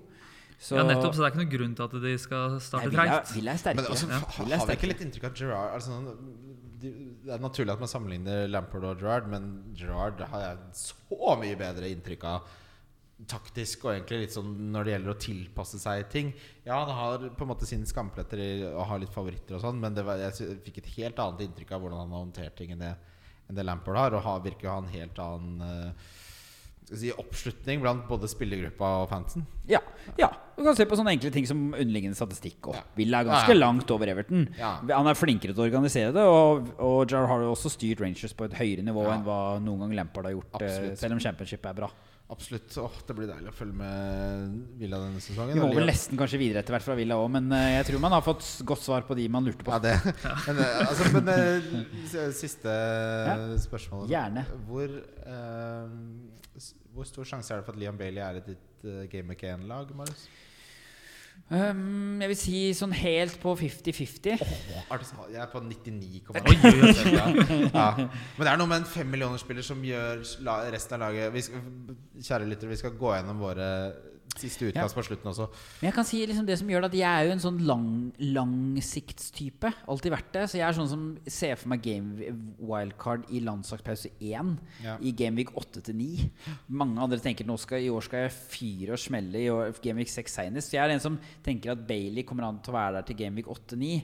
Litt mer usikker. Så da, da De som tenker litt kortere enn det, så skjønner jeg godt Jeg at Bailey er seks. Ja, nettopp. nettopp. Ja. ok. Brentford er et lag som eh, jeg sliter med å finne noen som helst interesse i. Oh, Oi, interessant, for er- her er vi i en motsetning. Ja, ja, det og vi har to to Har dere motsetninger. masse okay, oi, oi, oi. Buckle up. They're Begynn home. du, Ole. Ja, altså For det første så tenker jeg at eh, Nå, nå ble jo keepervalget litt amputert. da, Det måtte komme inn en ny en der. Men eh, i utgangspunktet tenkte jeg at Raja var den klart beste Ja. til fem- til Han 4-5. har da takka nei til ny kontrakt. Virker å være på vei bort. Og så Ja. henta Strakosja fra Lazio, er det vel, eh, på gratis kontrakt. Ja. Men unnskyld, fortsett. Og så er det jo Jansson i forsvaret der, til 4-5. Han har jeg sett det blir skrevet om litt. Hva er det som er interessant med Jansson, Ole? Det er ikke noe mer enn at han bare er en spiller som virker tålelig safe i Brentford akkurat nå. da. Altså Hadde alle sammen vært safe, så hadde jeg sikkert gått for Rico Henry eller noe sånt. ting. Eh, nå er jeg litt usikker på hvordan, om han er skada, er han ikke det? Nei. Han Nei, ikke og? Jansson er ikke safe. Det er Nei, problem. da er det kanskje Rico Henry man skal gå for. da. Og Hvorfor det? Når Tomayasu koster det samme. Tomiyasu er jo i hvert fall ikke safe. Jo, det er han vel? Hvis han er skadefri, så er du safe. Ja, Men han er ikke skadefri. Nei, det er godt poeng.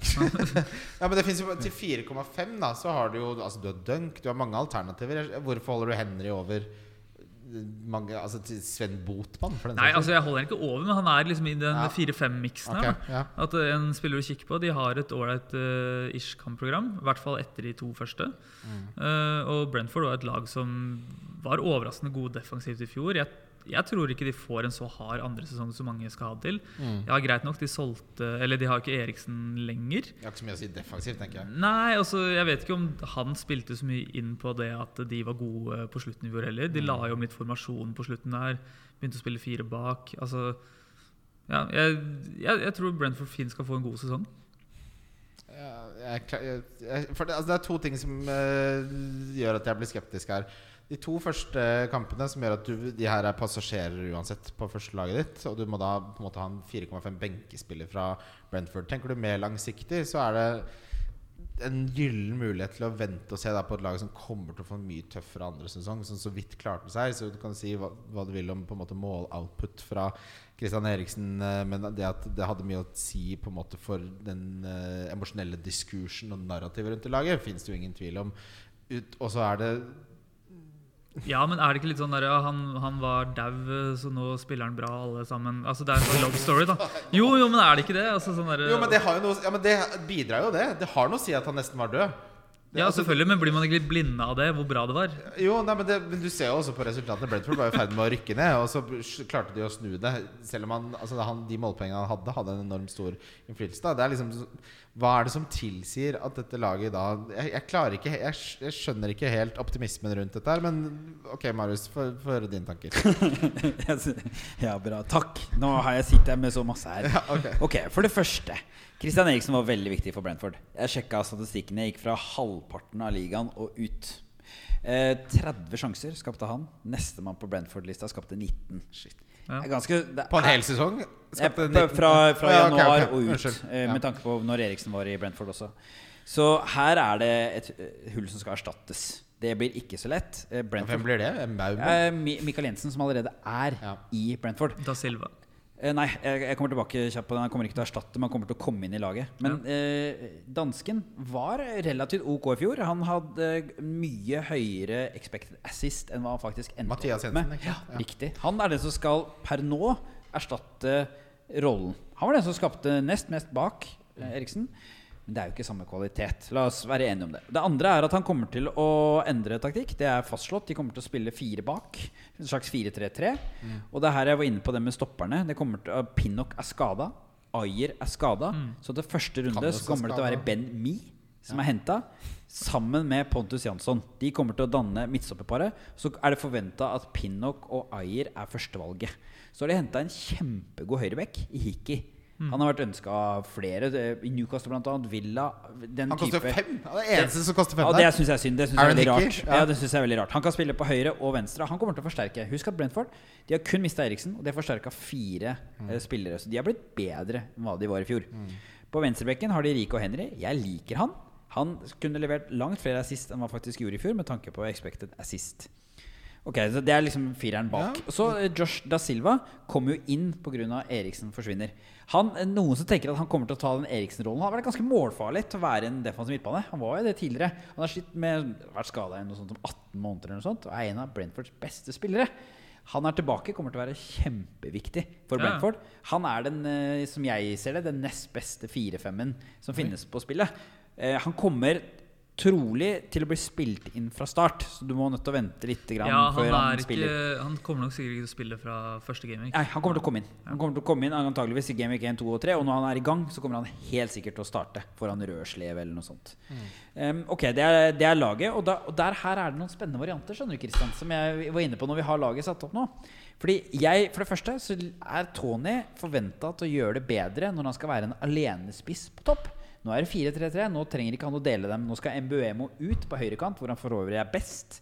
Og så skal Vissa 5-5 midtbanen ut på ving. Her ser jeg masse potensiell verdi. Ja, ja. Brentford har fint program. Hvis du ser, sjekker underliggende statistikkene, så er de ganske bra.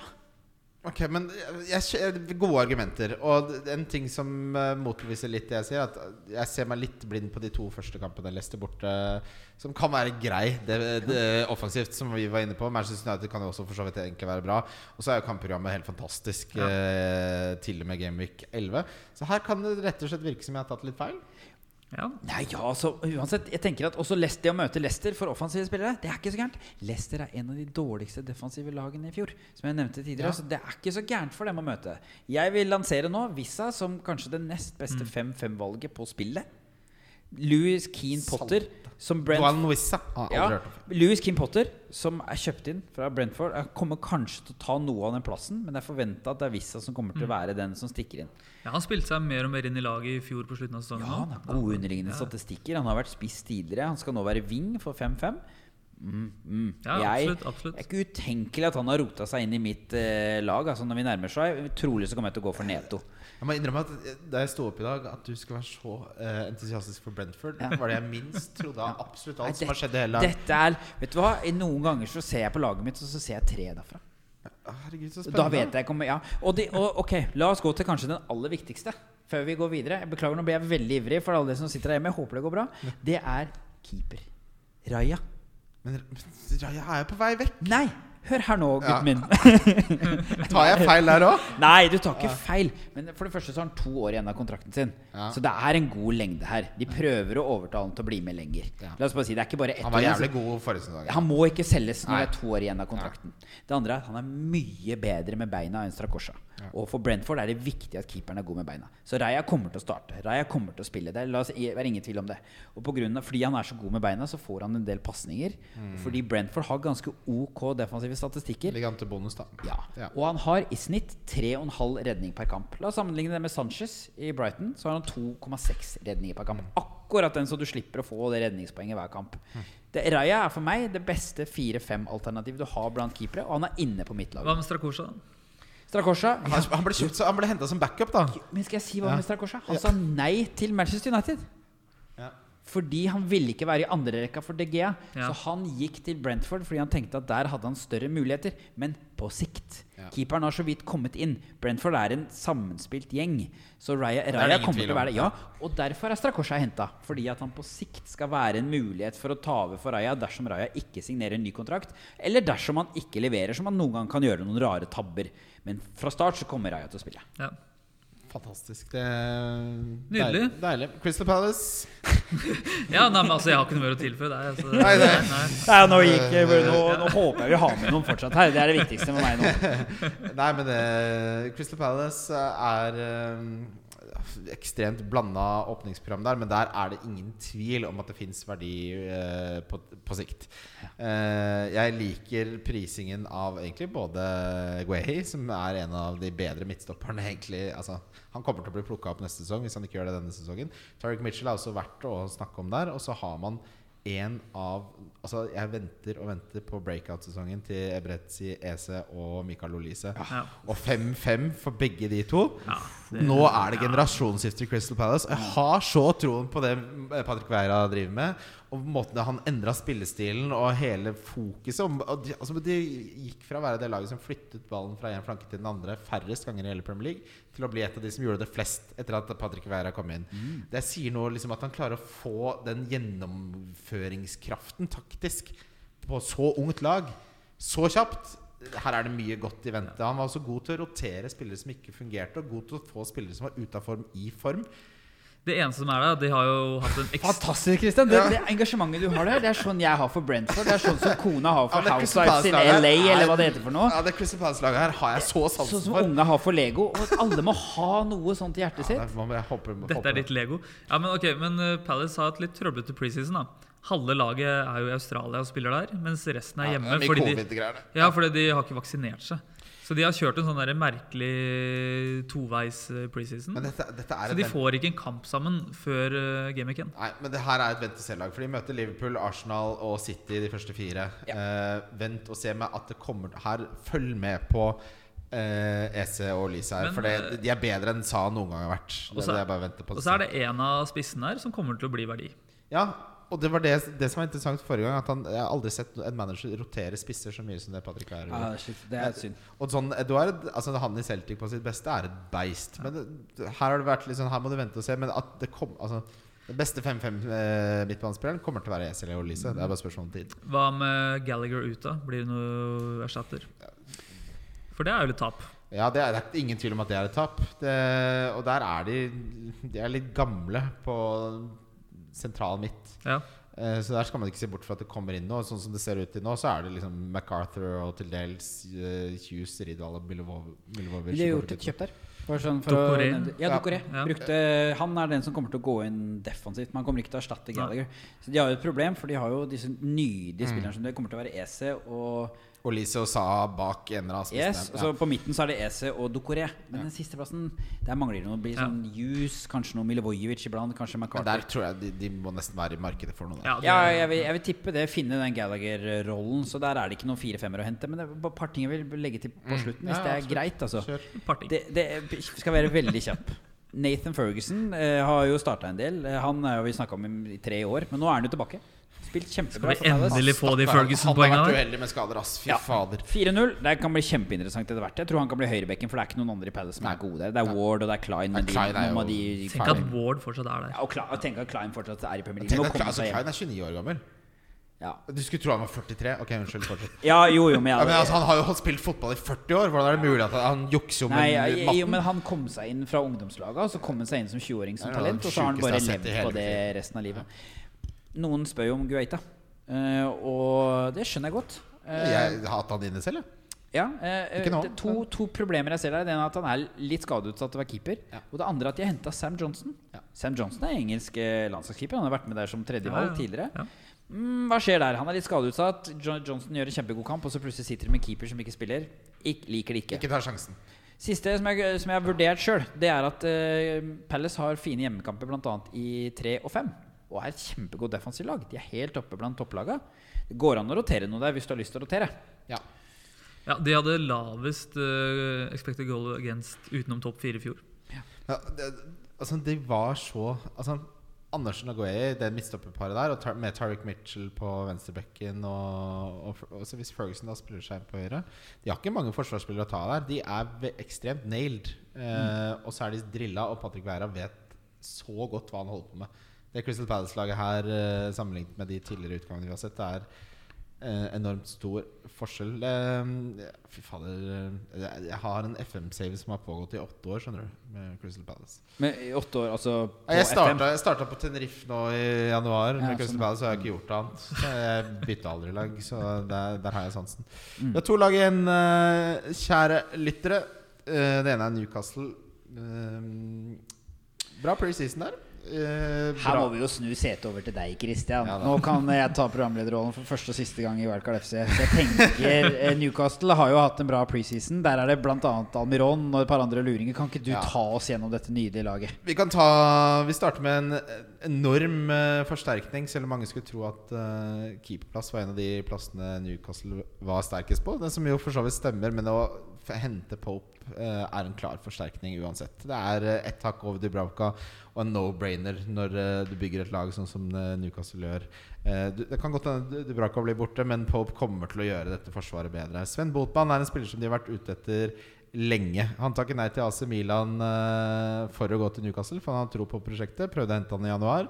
Han fikk avslutte karrieren sin i, i Lill, eh, som betydde mye for han personlig. Han er en venstrebeint eh, midtstopper som er, har vist seg Altså, som er bunnsolid. Tor Christian Carlsen trakk han fram som en av de bedre midtstopperprospektene i Europa. Eh, han kommer mest sannsynlig da til å dele den plassen eh, sammen med Fabian Skjær, eller Dan Burn. Eh, de kommer til å rotere på de to plassene. Lacella? Nei. Ferdig. ferdig. Ute. Ja. Eh, de har hatt Altså Generasjonsskiftet på, uh, i forsvaret til Newcastle har vært swift and uh, without mercy. Ass. Uh, du skulle ikke trodd Paul Dummett var eh, Nei, ikke herregud, ikke Paul Dummett. eh, hva fader? Hente venstrebekken vi henta, da. For salt. Target, kanskje? Target, takk Gud i himmelen. Nå fikk jeg slag. Target som egentlig var henta som jeg tror Som var tanke at han skulle være litt sånn backup på, på sikt, men så spilte han så bra at det bare han Det kjøpet gjennomfører vi fra ditt kjære villalag. Solid, eh, erfaren eh, Premier League-spiller. Dan Burn også han gjorde en kjempegod figur siden han ble henta fra Brighton. Og så er det litt mer eh, Altså Den mest spennende spilleren i forsvaret er jo Trippier, som eh, nærmest hadde litt sånn Eriksen-rolle for det Newcastle-laget da han ble henta. Han var den ubestridte lederen. Tar dødballer, eh, utrolig god. Ble dessverre skada, men han kommer til å representere verdi. bare fordi han tar, har så utrolig god dødballsfot. Uh, Eddie Howe nå kommer til å ha større press på seg. Samtidig så må vi huske på at etter at Eddie Howe kom, så var det kun to lag i Premier League som tok flere poeng enn Newcastle. Det er Manchester City og Liverpool, som sier litt om eh, den prestasjonen han gjorde. Så det, kommer vi over til angrepet hvor jeg klarer ikke Altså, jeg har hatt Bruno Guaymares inne. Det er, representerer ikke verdi, dessverre. Han, historisk sett så lyver ikke matten. Eh, Han, har ikke, han er ikke tiltenkt en rolle hvor han skal score mye mål. Det er ikke det som forventes av han taktisk. Han gjorde det riktignok, men det tror jeg var mer tilfeldigheter enn det egentlig var. Altså, de underliggende tallene er sånn ok, men ikke noe som tilsier at de skal være så gode som de var. Eh, til den prisen, 6 millioner, så fins Martinelli der. Ikke sant? Det, som Ja. jeg holder som den desidert beste. Ansant Maximæ kan være spennende, men det er også litt for lite sluttprodukt der. Det er ikke nok, gode nok underliggende tall. Var ikke han på vei bort? Nei. Ikke, Nei, nei. mener du sa det. At, uh, på Ah, nei, Ja, nei, nei. nei, jeg tror ikke det. Det er mulig jeg har sagt det, men uh, det, det er sånn Men den Altså, Callum Wilson Jeg har han inne i laget mitt nå. Eh, han er frisk for første gang på så utrolig lenge. Uh, altså, Callum Wilson har da uh, på 39 starter 20 mål og 6 assist for Newcastle. Fitness er det som er problemet hans. Og det vet vi. Han kommer til å gå på to lange skadeavbrekk hver sesong. Men så lenge han er frisk, og hvis han da i tillegg møter dårligere motstand, altså antatt dårligere motstand, så er han en av de beste spissene på spillet. Mm. Uh, jeg har troen på Newcastle uh, denne sesongen. De bygger lag på en fornuftig måte. De har en klar taktikk, klar visjon, klar strategi. Uh, både Botman, Trippier og Wilson kommer til å være veldig gode valg på et eller annet tidspunkt denne sesongen. Så de jobber med å få inn en spiller til. Da. De skal få inn en angrepsspiller til. Så blir det spennende å se hvem det skal Det være. er høyreving, ikke sant, som er på Ja. vei. Eh, de prøvde jo på ek, Jeg husker ikke navnet hans. Et, en ung spiller som PSG endte opp med å hente fordi agenten skulle ha 60 millioner i, i agenten rar Så har det vært å nevne at John Joe Shelby, som hadde ny vår, er skada. Han, Ja. eh, kommer, han ble skada nå mot Benfica. Og så uh, Preseason-spilleren er Miguel Almeroda, som har Men han var litt sånn Han var en glemt spiller som var på vei bort, og så spilte han seg veldig inn i laget. Og det er liksom til fem så er han en sleeper. Altså, fordi måten Eddie Howe snakker om han på nå, så kommer han til å spille mer enn man tror. Så han har også ennå vært eh, Han er litt sånn En på blokka. en på blokka. Ja. Litt, litt Men så er det City og Liverpool innenfor første fem. Ja, de har litt uh, køddent Men de to eh, første kampene Altså Callum Wilson hjemme mot Nottingham Forest og så borte mot Brighton, det skal nok onkel Bobo være med på. Men Trippier, Ja. hva tenker du? Hvis du Fordi de har vel vanskelig kamp i tre og fem, har ikke Newcastle det? Stemmer. Jeg liker Altså Trippier er min favoritt-forsvarsspiller til fem. Ja, nettopp. For det var det jeg nevnte i stad. F.eks. Palace har jo fine hjemmekamper i tre og fem. Ja. Så har du en 4-5 og en 5-0 som kan ta siste Vet du hvem de roterer veldig godt med Newcastle? Nei, Brentford. Brentford, ja. Ja. Der har du, ja. Rico, Henry Ja. og, eh, og Trippier. Men hva tror du om Trippier som et valg? Jeg har sett flere vurdere det. Det er bra valg. Ja. Eh, Det er bra valg. eh, Ja. Jeg kan si det veldig Han dreper Matt Target, da. Ja. Valg. Ja, det er utvilsomt. Ja. Men Target er ikke aktuelt. Der blir det Botman eller uh, Trippier. ja. Så det, det er jeg gleder, jeg, jeg gleder meg til denne sesongen. Altså. Det må jeg ærlig drømme. Eh, siste laget vi skal gå gjennom eh, i denne episoden, er Wolverhampton. Statistisk sett så hadde de ble ranka som eh, den, altså, nummer 18 i expected goals og nummer 19 i expected goals Conceded. Likevel så havnet de på tiende. De pisser matten i trynet. Vi liker det ikke. Vi hater det. Nå er Jimenez bekrefta ute i åtte uker minst. Han tok kne uh, i en treningskamp. Um, og så så jeg mange bare sånn Oi, da kanskje Pedro Netto spiller falsk nier. Altså, non-penalty expected goals på Wolverhampton uten Jimenez. Altså, fra da han var god til han fikk den uh, leie hodeskaden. De gikk fra å være sånn syvende, åttende til å være nittende, attende. De, de skaper ingenting eh, uten en Heminese i form. De har egentlig ikke noen gode angrepsspillere.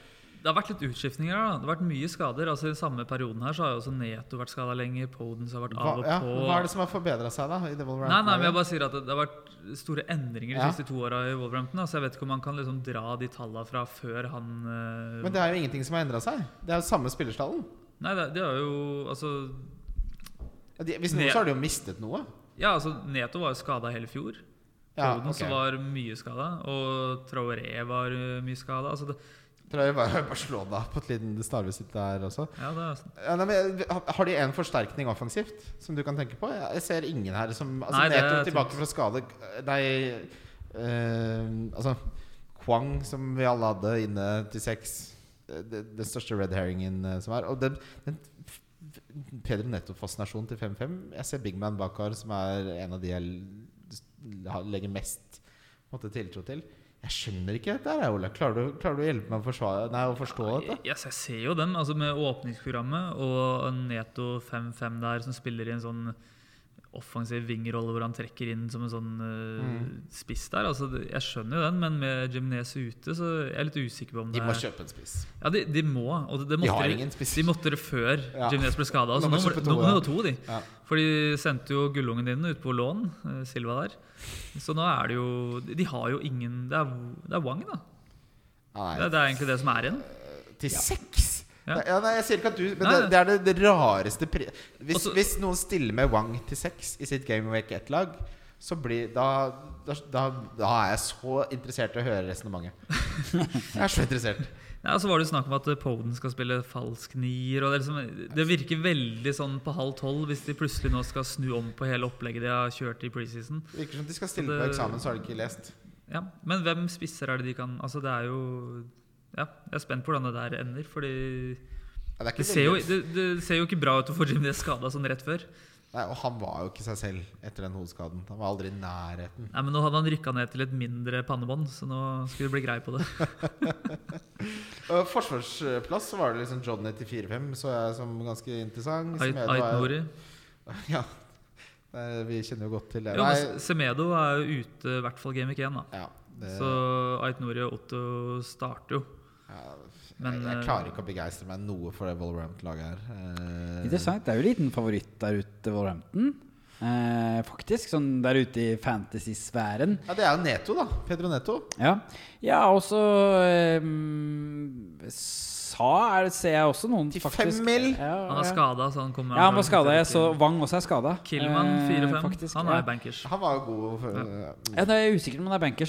Som Jo, han er, han er ment å være en som de skal Ja, men satse på Volves bak men da. endrer jo nå til fire bak. Ja. Ja, så, Og så har de kjøpt Collins. Så Collins kommer til å gå inn sikkert. Og så står den sisteplassen mellom Killman og Cody. Så kommer til, Og Boli er på benken. Så det, sånn jeg forsto. Ja, ok, jeg har oppfatta litt annerledes. Som at Killman liksom er den som er Og så er- står det Ja. mellom Collins og Cody. Men Ja. ja, ok. Ja. Kjempebra. Ja. Og så er det Aut Nori på Venstre. bekken som har vært god, og Johnny på den andre som har vært god. Men jeg er helt enig med deg. Jeg kommer til å holde meg unna de gutta der pga. det du sa. Det de har fått inn offensivt, er han Morgan Gibbs White. Uh, han har til et, Første gang så så jeg Everton skulle by på han. Så tenkte jeg dette kan ikke stemme. Han er jo ikke god nok. Han har jo vært, han han har har vært vært det. deres Og kjempegod i championship i fjor for Nottingham Forest. Ja, men Han var på utlån.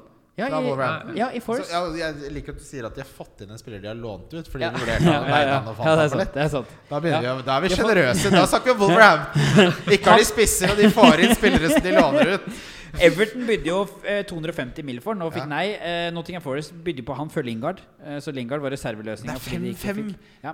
Nei da, jeg skal ikke ha han. Men, eh, han kommer til å forsterke de offensive litt. Og jeg eh, og Neto eller Potens kommer til å spille falsk nier. Eh, Jeg, Neto er jo veldig, veldig god i fotball, eh, for å si det enkelt. Eh, Han var jo Han har jo debutert for det portugisiske landslaget.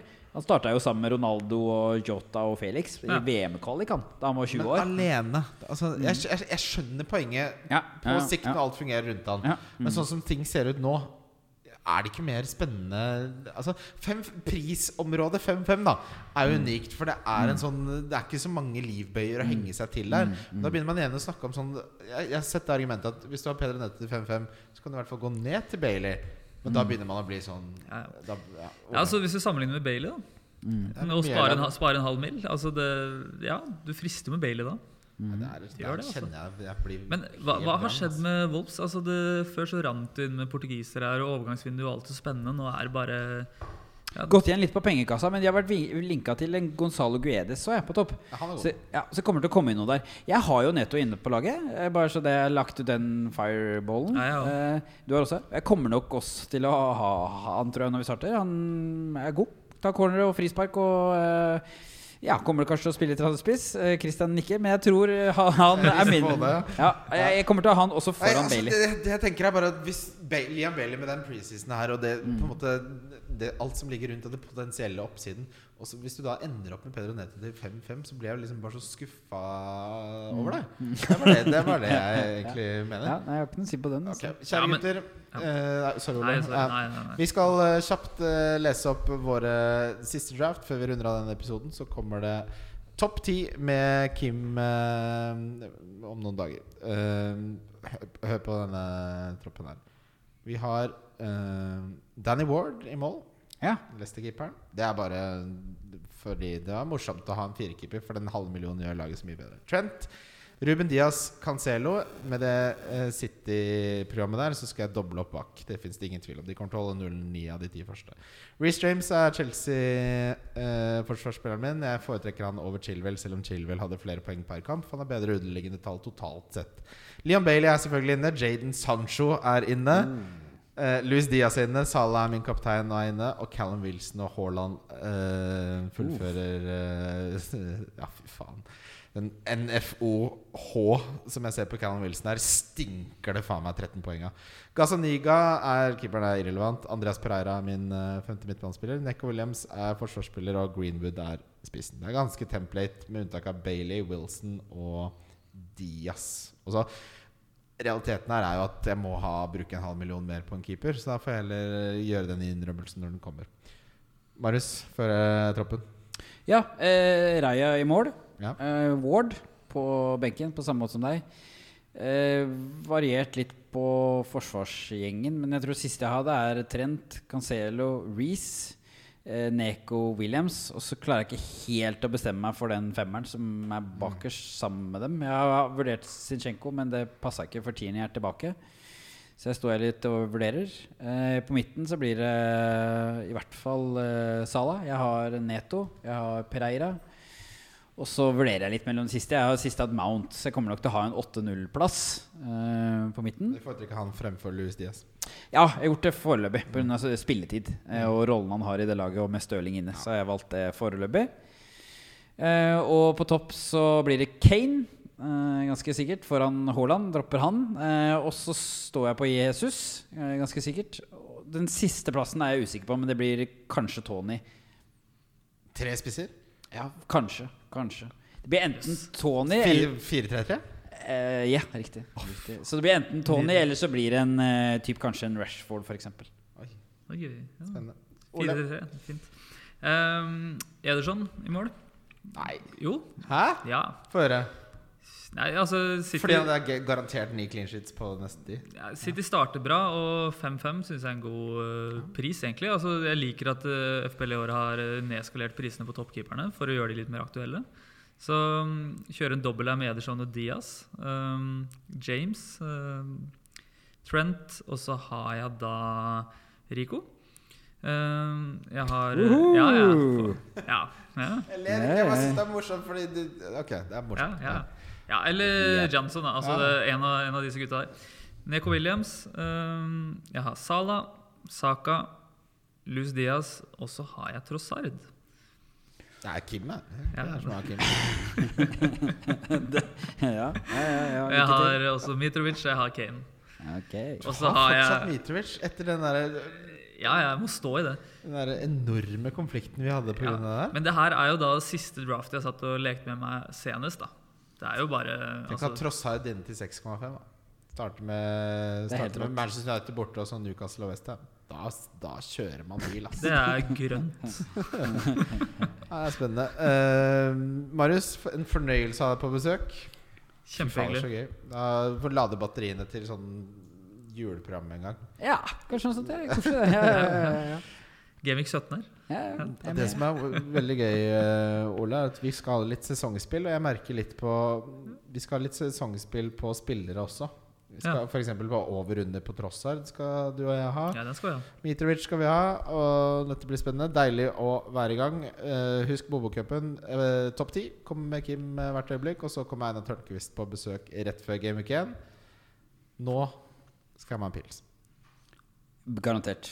Garantert. Det må Vi ha nå. Vi Snakkes. Ha Ha det. det.